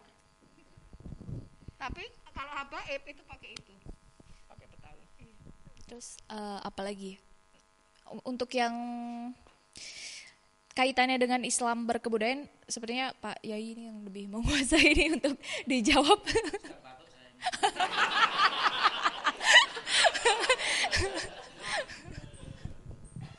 Iya Mbak, terima kasih. Gimana Pak? Oke.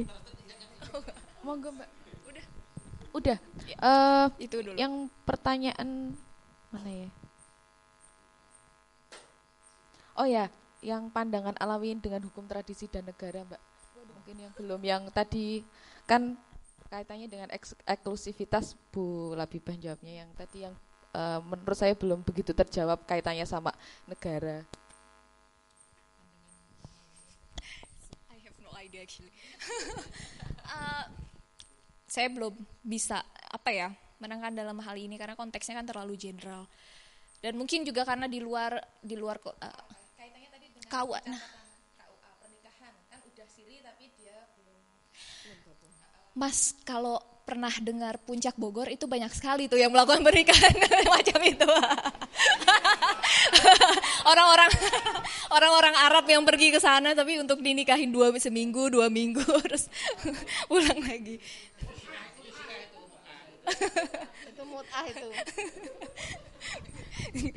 Gimana mau dicoba? Udah Mbak itu dulu deh. Ah, Terima kasih Mbak Sarah. Monggo Bu, mau nambahkan? Oke, ya, yang berkaitan dengan KUA itu karena eh, apa namanya sebenarnya kenapa setelah Fatihah itu langsung agit gitu ya?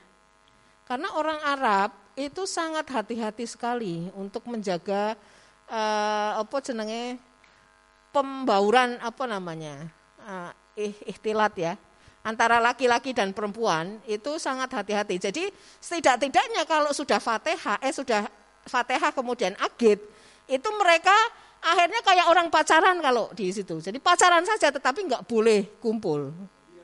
Hawian. Ha Jadi sudah boleh itu hawian. Tetapi apa namanya? Nah, itu apa eh, mungkin dalam konteksnya itu kenapa kemudian kok cepet aja udah dinikahkan gitu. Karena karena biar apa apa namanya? biar aman lah hubungan itu, tetapi tetap tidak boleh uh, campur. Itu uh, itu itu saya melihatnya lebih pada itu sih, lebih pada kehati-hatian saja gitu. Uh, tapi sebenarnya kan anakku wes wesah gitu ya. Nah, tetapi tidak boleh itu, tidak belum boleh kumpul. Oke, uh, teman-teman sebelum ke Pak Yai mungkin uh, kita juga pengen mendengar ya dari Mas Ali selaku suami Ibu Labibah gimana? Ya, uh, ya praktis.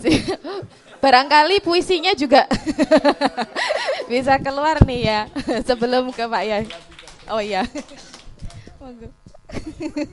Sudah diwakili oleh nyonya jadi udah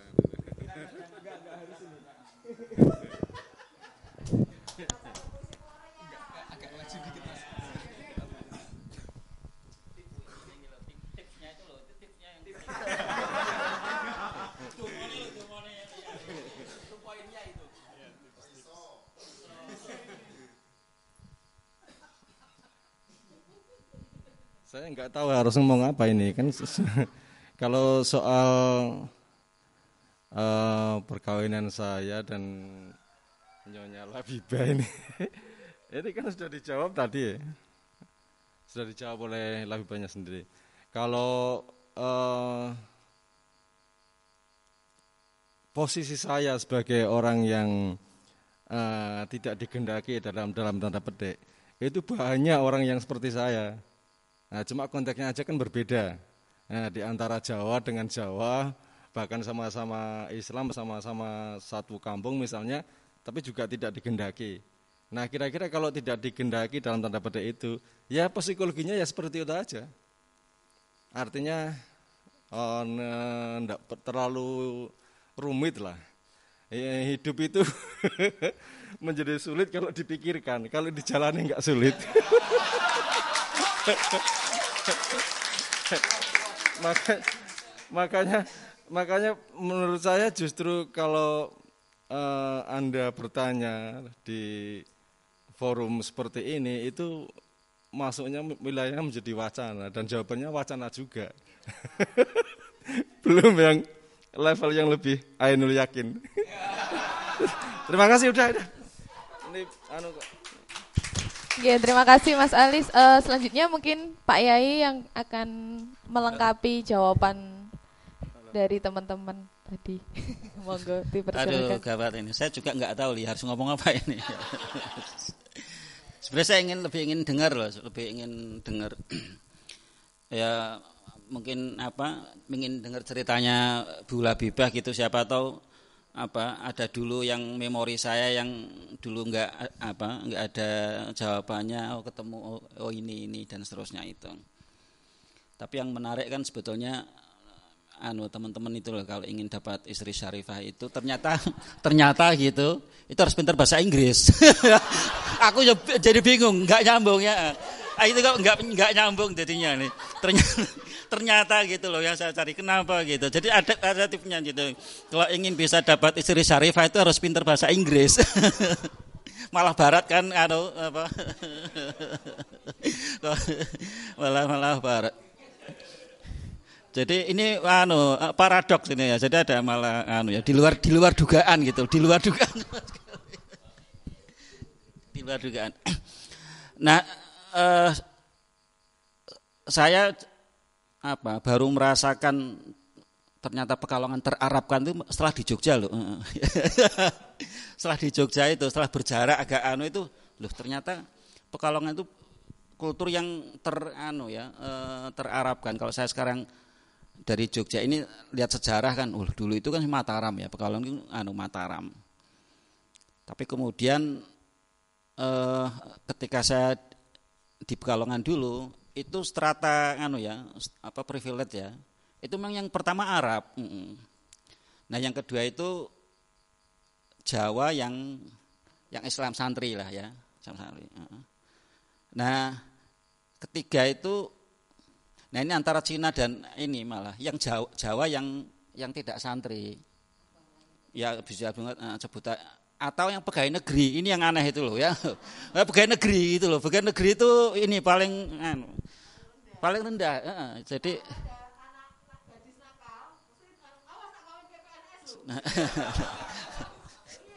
iya.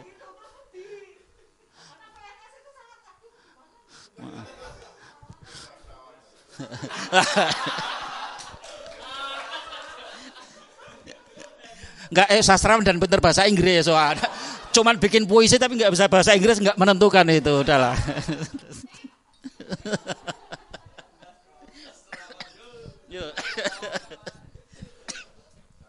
Iya.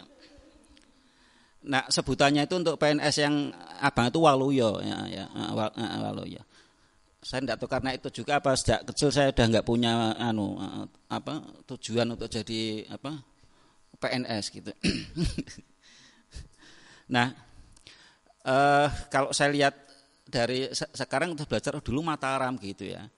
Tapi jejak saya nggak punya anu memori tentang Jawa, budaya Jawa segala itu ketemunya oh di, di, di Jogja dulu saya banyak permainan-permainan itu udah ngawur lah Pak permainan Jawa tapi terus setelah ketemu di Jogja oh yang Pekalongan itu anu udah ada banyak devia anu ya modifikasi macam-macam oh ini akarnya dari sini oh Jawanya dulu begini gitu ya.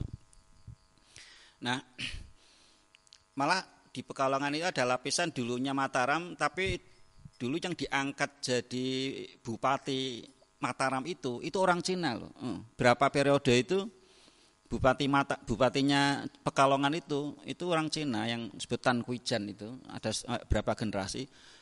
Dan justru yang berpengaruh besar menurut saya Cina. Lapisan-lapisan pengaruh apa yang bisa menutupi Jawa di Pekalongan itu terutama kota ya. Itu lapisan yang pertama kali menutupi dan itu kuat itu Cina. Sampai logatnya itu kan Cina itu logat Pekalongan itu dialek Pekalongan itu Cina sebetulnya. Aho opo angsi Joko Wira gitu Cina itu itu Cina. Itu Cina. Bahkan ketika kemudian lapisan berikutnya yang apa Arab datang melapisi itu itu tetap tidak bahasa Arab masuk pun tapi tetap dengan dialek dialek Cina. Ayo kol sih nganu lah apa tetap dalam dalam nganu ya terdi makanan ya di makanan Pekalongan khas itu tahu-tahu itu kan gabungan Jawa Cina dan Arab ya, ya. Cinanya itu tauco ya, apa e, tauco gitu.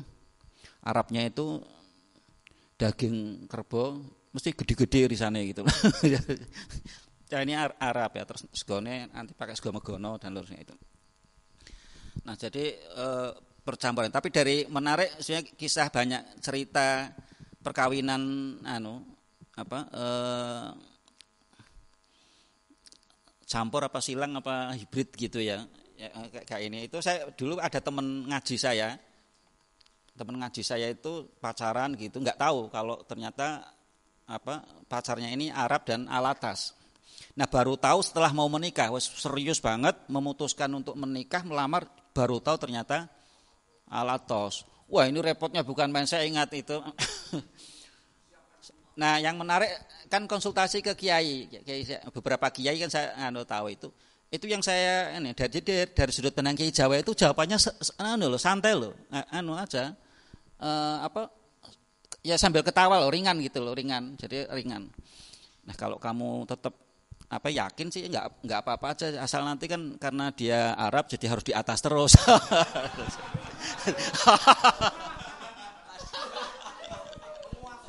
Waduh.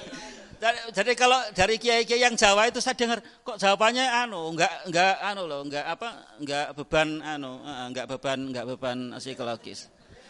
Dan dan di keluarga saya ibu atau bapak saya sering cerita ada mungkin Nabi Pak ingat ya ada namanya Kaji Zainuddin.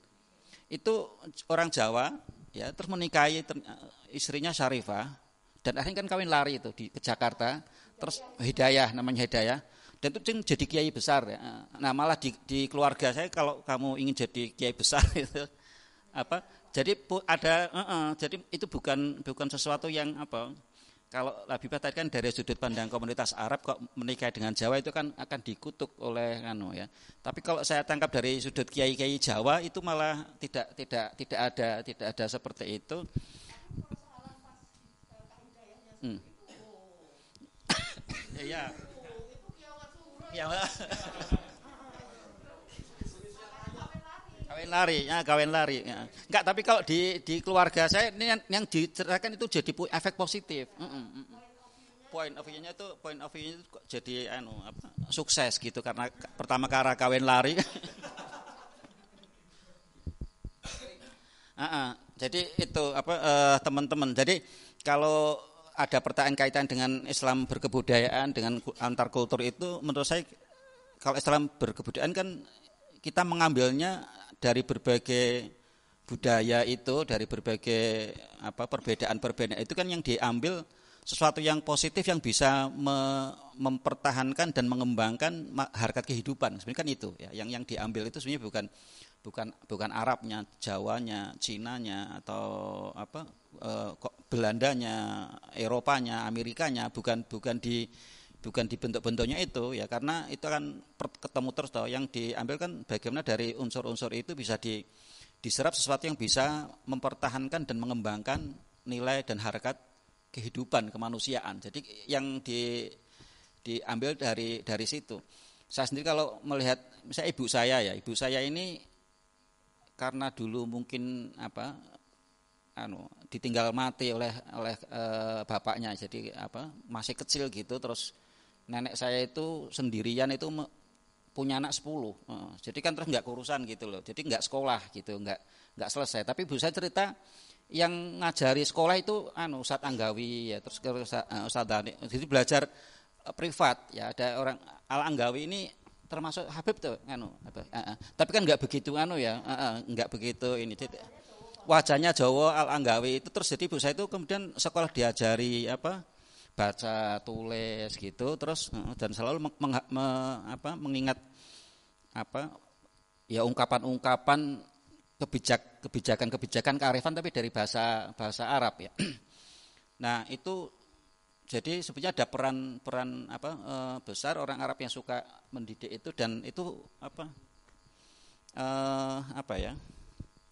Ya itu penting ya. Tapi dalam banyak hal kemudian yang ini muncul stigma terhadap apa e, Jawa budaya asli gitu itu menjadi anu ya apa ya ada ada peran di situ ya peran di ya saya menyebutkan Waluyo untuk menganu anu prioritas dan itu kayaknya memang ya proses itu terbentuk pada era-era anu ya era-era tadi yang sudah disebutkan Mbak Sarah ya era ketika kebijakan kolonial Belanda itu bikin stratifikasi sosial lalu mengarab dan Cina itu di, di kelas kedua gitu ya dan itu yang saya dengar juga dari beberapa ini yang uh, dulu ada kerusuhan anti Cina di Pekalongan itu karena mereka mengingatnya ke, anu era era kolonial itu, era anu mengingatnya saya lihat itu pada ketika saya saya tanyain loh padahal makanan kita sehari-hari tahu-tahu itu Cina, tauco ya.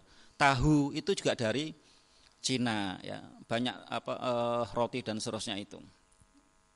Tapi itu tidak ya dan tidak semua Cina kaya loh di Pekalongan itu. Uh, tidak semua orang Arab kaya juga gitu. Saya ingat dulu ibu saya itu anak berapa itu yang tukang anu kak mandiin bayi itu Cina, uh, uh, uh, cubi. itu tukang mandiin. Jadi kalau ada orang punya anak gitu kan, saya nggak anu itu yang ngurusi bayi mandiin, bersihin apa, nyuci popoknya itu Cina. Uh, uh. Ngaku ya, ngaku. Uh. Nah, jadi sebetulnya kalau kultur yang yang tidak apa ya, tidak terkena politisasi itu eh, anu, Labia sudah mengatakan ya itu sebetulnya apa cair ya, saling saling anu, saling mengambil, saling saling anu menerima ya. Tapi memang ada ada apa? Kalau saya lihat kemudian ada sekarang itu, kemudian kultur Arab itu banyak menyederhanakan ya. Dari di sisi apa? Eh, upacara-upacara keagamaan, bacaan-bacaan itu lebih di disederhanakan dan mungkin unggah-ungguh tidak terlalu ribet ya. Eh, tidak terlalu ribet kalau di Jawa unggah-ungguh jadi ribet tapi di, di Arab itu lebih anu ya, lebih lebih longgar. Uh, unggah-ungguh itu lebih lebih longgar ya. Saya ketemu unggah-ungguh di sini rum, rumit. Uh, rumit.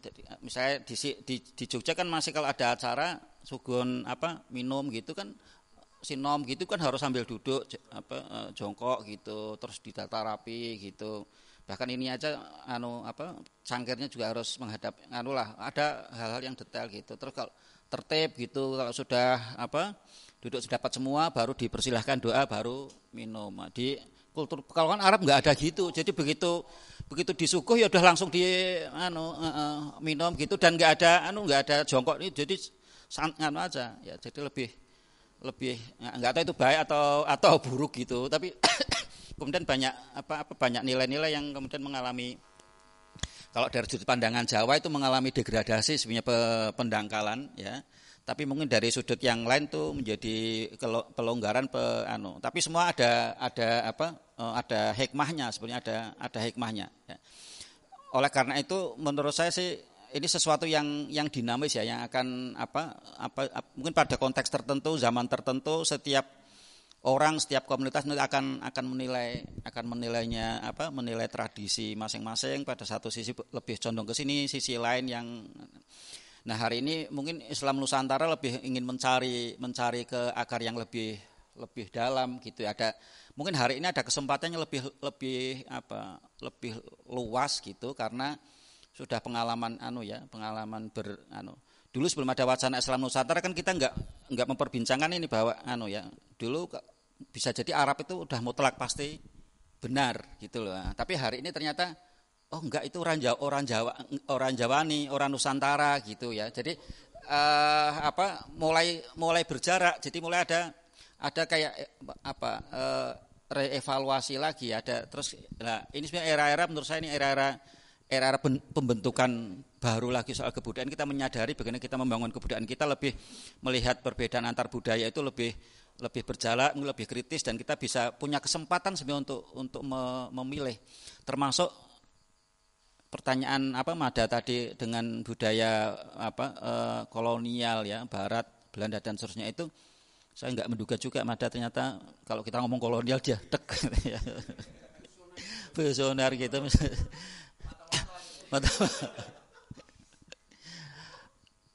menurut saya sudah sudah apa uh, lebih lebih terbuka lebih terbuka. Jadi saya sering menyatakan kan Mbah Maimun gitu misalnya mensyukuri ya mensyukuri adanya kolonial Belanda itu karena membantu membantu beberapa apa infrastruktur bagi pelaksanaan ibadah itu lebih bagus. Salah satunya misalnya naik apa naik haji lebih mudah gitu ya. Jadi uh, pada akhirnya ketika sudah berjarak uh, apa eh, lama itu kalau akidah sunnah kan baik dan buruk itu takdir ya. Itu dari dari Allah. Jadi berapapun beratnya pahit itu misalnya kolonialisme itu itu dalam sudut pandang lebih yang arif itu semua itu kan dari Tuhan. Berarti ada maksud yang yang yang lain ya. Nah kalau kita mau lihat sisi itu, pak kita terima ini dari Tuhan, ini betapapun apa ada apa nggak nyaman gitu mungkin ya. Tapi mungkin ada ada hikmah yang sesuatu yang yang hari ini mungkin kita bisa bisa bisa petik ya. Misalnya jangan-jangan itu ingin mengingatkan bahwa uh, ya tujuan tertinggi persaudaraan kan antara semua semua manusia gitu ya, antara semua um, manusia, eksklusivitas. Kadang apa eh, sistem teologi keagamaan, sistem ini menjadi beku ketika enggak anu ya dengan kolonialisme itu mungkin juga membuka membuka apa membuka apa eh, hubungan dialog kemanusiaan itu lebih lebih luas ya jangkauan. Jadi kalau nggak ada kolonialisme mungkin pertemuan pertemuan pembentukan kultur Jawa itu hanya hanya Jawa, Arab kan gitu ya, Cina, ya, Persia gitu, India hanya itu gitu loh. Tapi mungkin karena perjumpaan apa kolonial itu menjadi keras itu memang kemudian prosesnya negosiasinya agak agak lama ya. Tapi keraton Mataram menurut saya kan juga ada pada akhirnya adaptif ya. Jadi kalau kita lihat apa orkestra gamelan gitu kan memasukkan apa alat musik ya e, bara trompet ya e, apa apa drum ya bisa bisa masuk itu kan sesuatu yang yang visioner ya.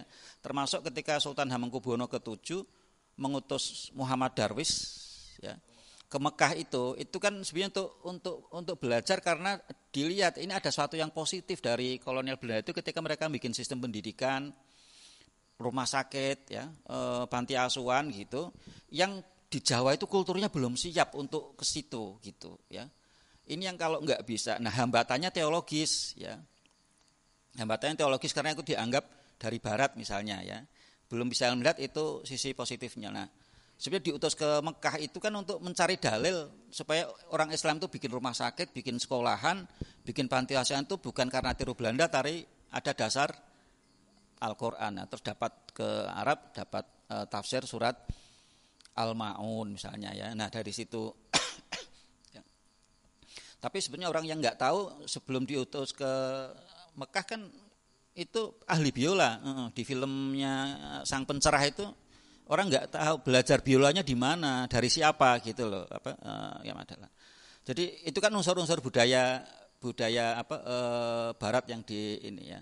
Nah, dari segi kemudian yang modern Gus Dur itu lebih membuka lebih luas lagi ya, membuka lebih lebih luas lagi sehingga di di NU itu ada ada tiga nilai ukhuwah itu kan. Pertama itu ukhuwah Islamiyah, persaudaraan yang berdasarkan agama, lalu ada ukhuwah watoniyah, persaudaraan yang berba, berdasarkan apa tanah air, lalu ada ukhuwah insaniyah ya, eh, persaudaraan yang basisnya sama-sama um, manusia ya.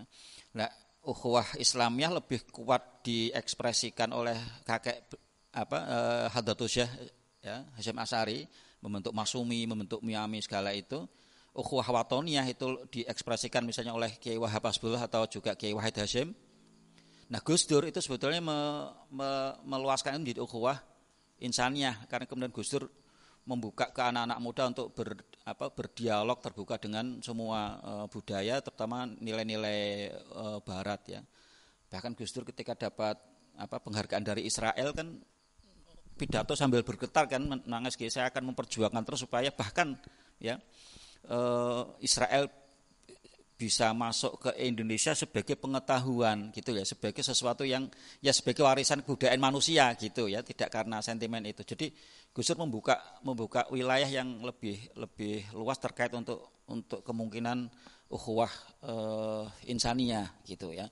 Nah dulu era era Wali Songo itu belum terjadi karena uh, memang belum belum belum ada anu ya belum ada belum ada apa belum ada situasinya ya belum belum ada situasinya lebih ke membangun multikultur itu lebih ke Arab Jawa gitu ya e, Persi Cina dan seterusnya itu di persiapan itu. Tapi tapi eh, apa penyiapan bahwa ini multikultur semua semua itu sudah sudah terbuka ya. Kalau nggak salah kakeknya Sunan Gunung Jati itu kan juga dari Israel ada salah satu wali yang juga dari anu dari apa eh, Israel gitu dan itu artinya sebetulnya ada ada ininya ya, ada apa komponen listrik itu ono anu apa ono stromi tinggal nyari coloknya uh, uh, yang itu semua mesti antar semua antar bangsa gitu. Jadi kalau apa Islam berkebudayaan yang kosmopolitan saya melihatnya dari apa uh, dari situ bukan dari apa lihat ya setiap setiap suku setiap bangsa punya stigma masing-masing. Bahkan Arab aja kan punya punya stigmanya sendiri ya. Cina punya stigmanya sendiri. Jawa juga punya punya apa eh, stigmanya sendiri ya. Jadi semua punya ini, tapi dalam kerangka Islam berkebudayaan justru kita melihat perbedaan-perbedaan bangsa itu kemudian kita melihatnya yang apa yang kemudian bisa positif kita bisa uh, kreasi bersama dalam kerangka untuk meningkatkan memajukan meninggikan harkat kemanusiaan ya. Dan itu suatu yang dinamis. Barangkali itu ya Mbak Ena. Terima kasih. Assalamualaikum warahmatullahi wabarakatuh. Waalaikumsalam warahmatullahi wabarakatuh. Gimana Mas Haris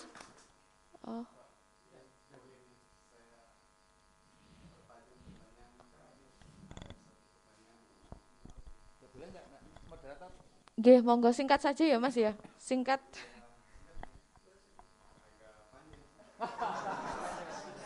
Hmm? Pak Yai aja. Oh nanti aja ya Mas ya, sama Pak Yai itu. Iya. Oke. Uh,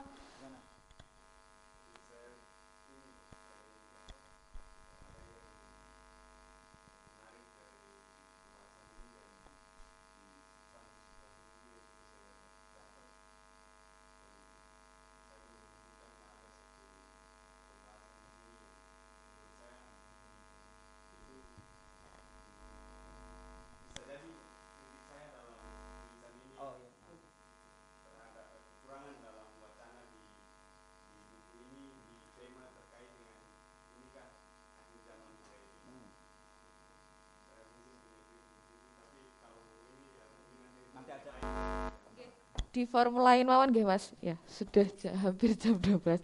Oke, baik teman-teman tepuk tangan lagi uh, untuk uh, kita malam hari ini. Uh, saya yakin teman-teman punya kesimpulan masing-masing di kepalanya. Uh, tapi ada tiga hal yang uh, perlu saya garis bawahi ya terkait diskusi malam hari ini. Yang pertama tentang uh, sikap kita terhadap banyak sekali keragaman komunitas-komunitas yang ada di Indonesia yaitu berjarak kritis terhadap perbedaan budaya. Yang kedua, eh,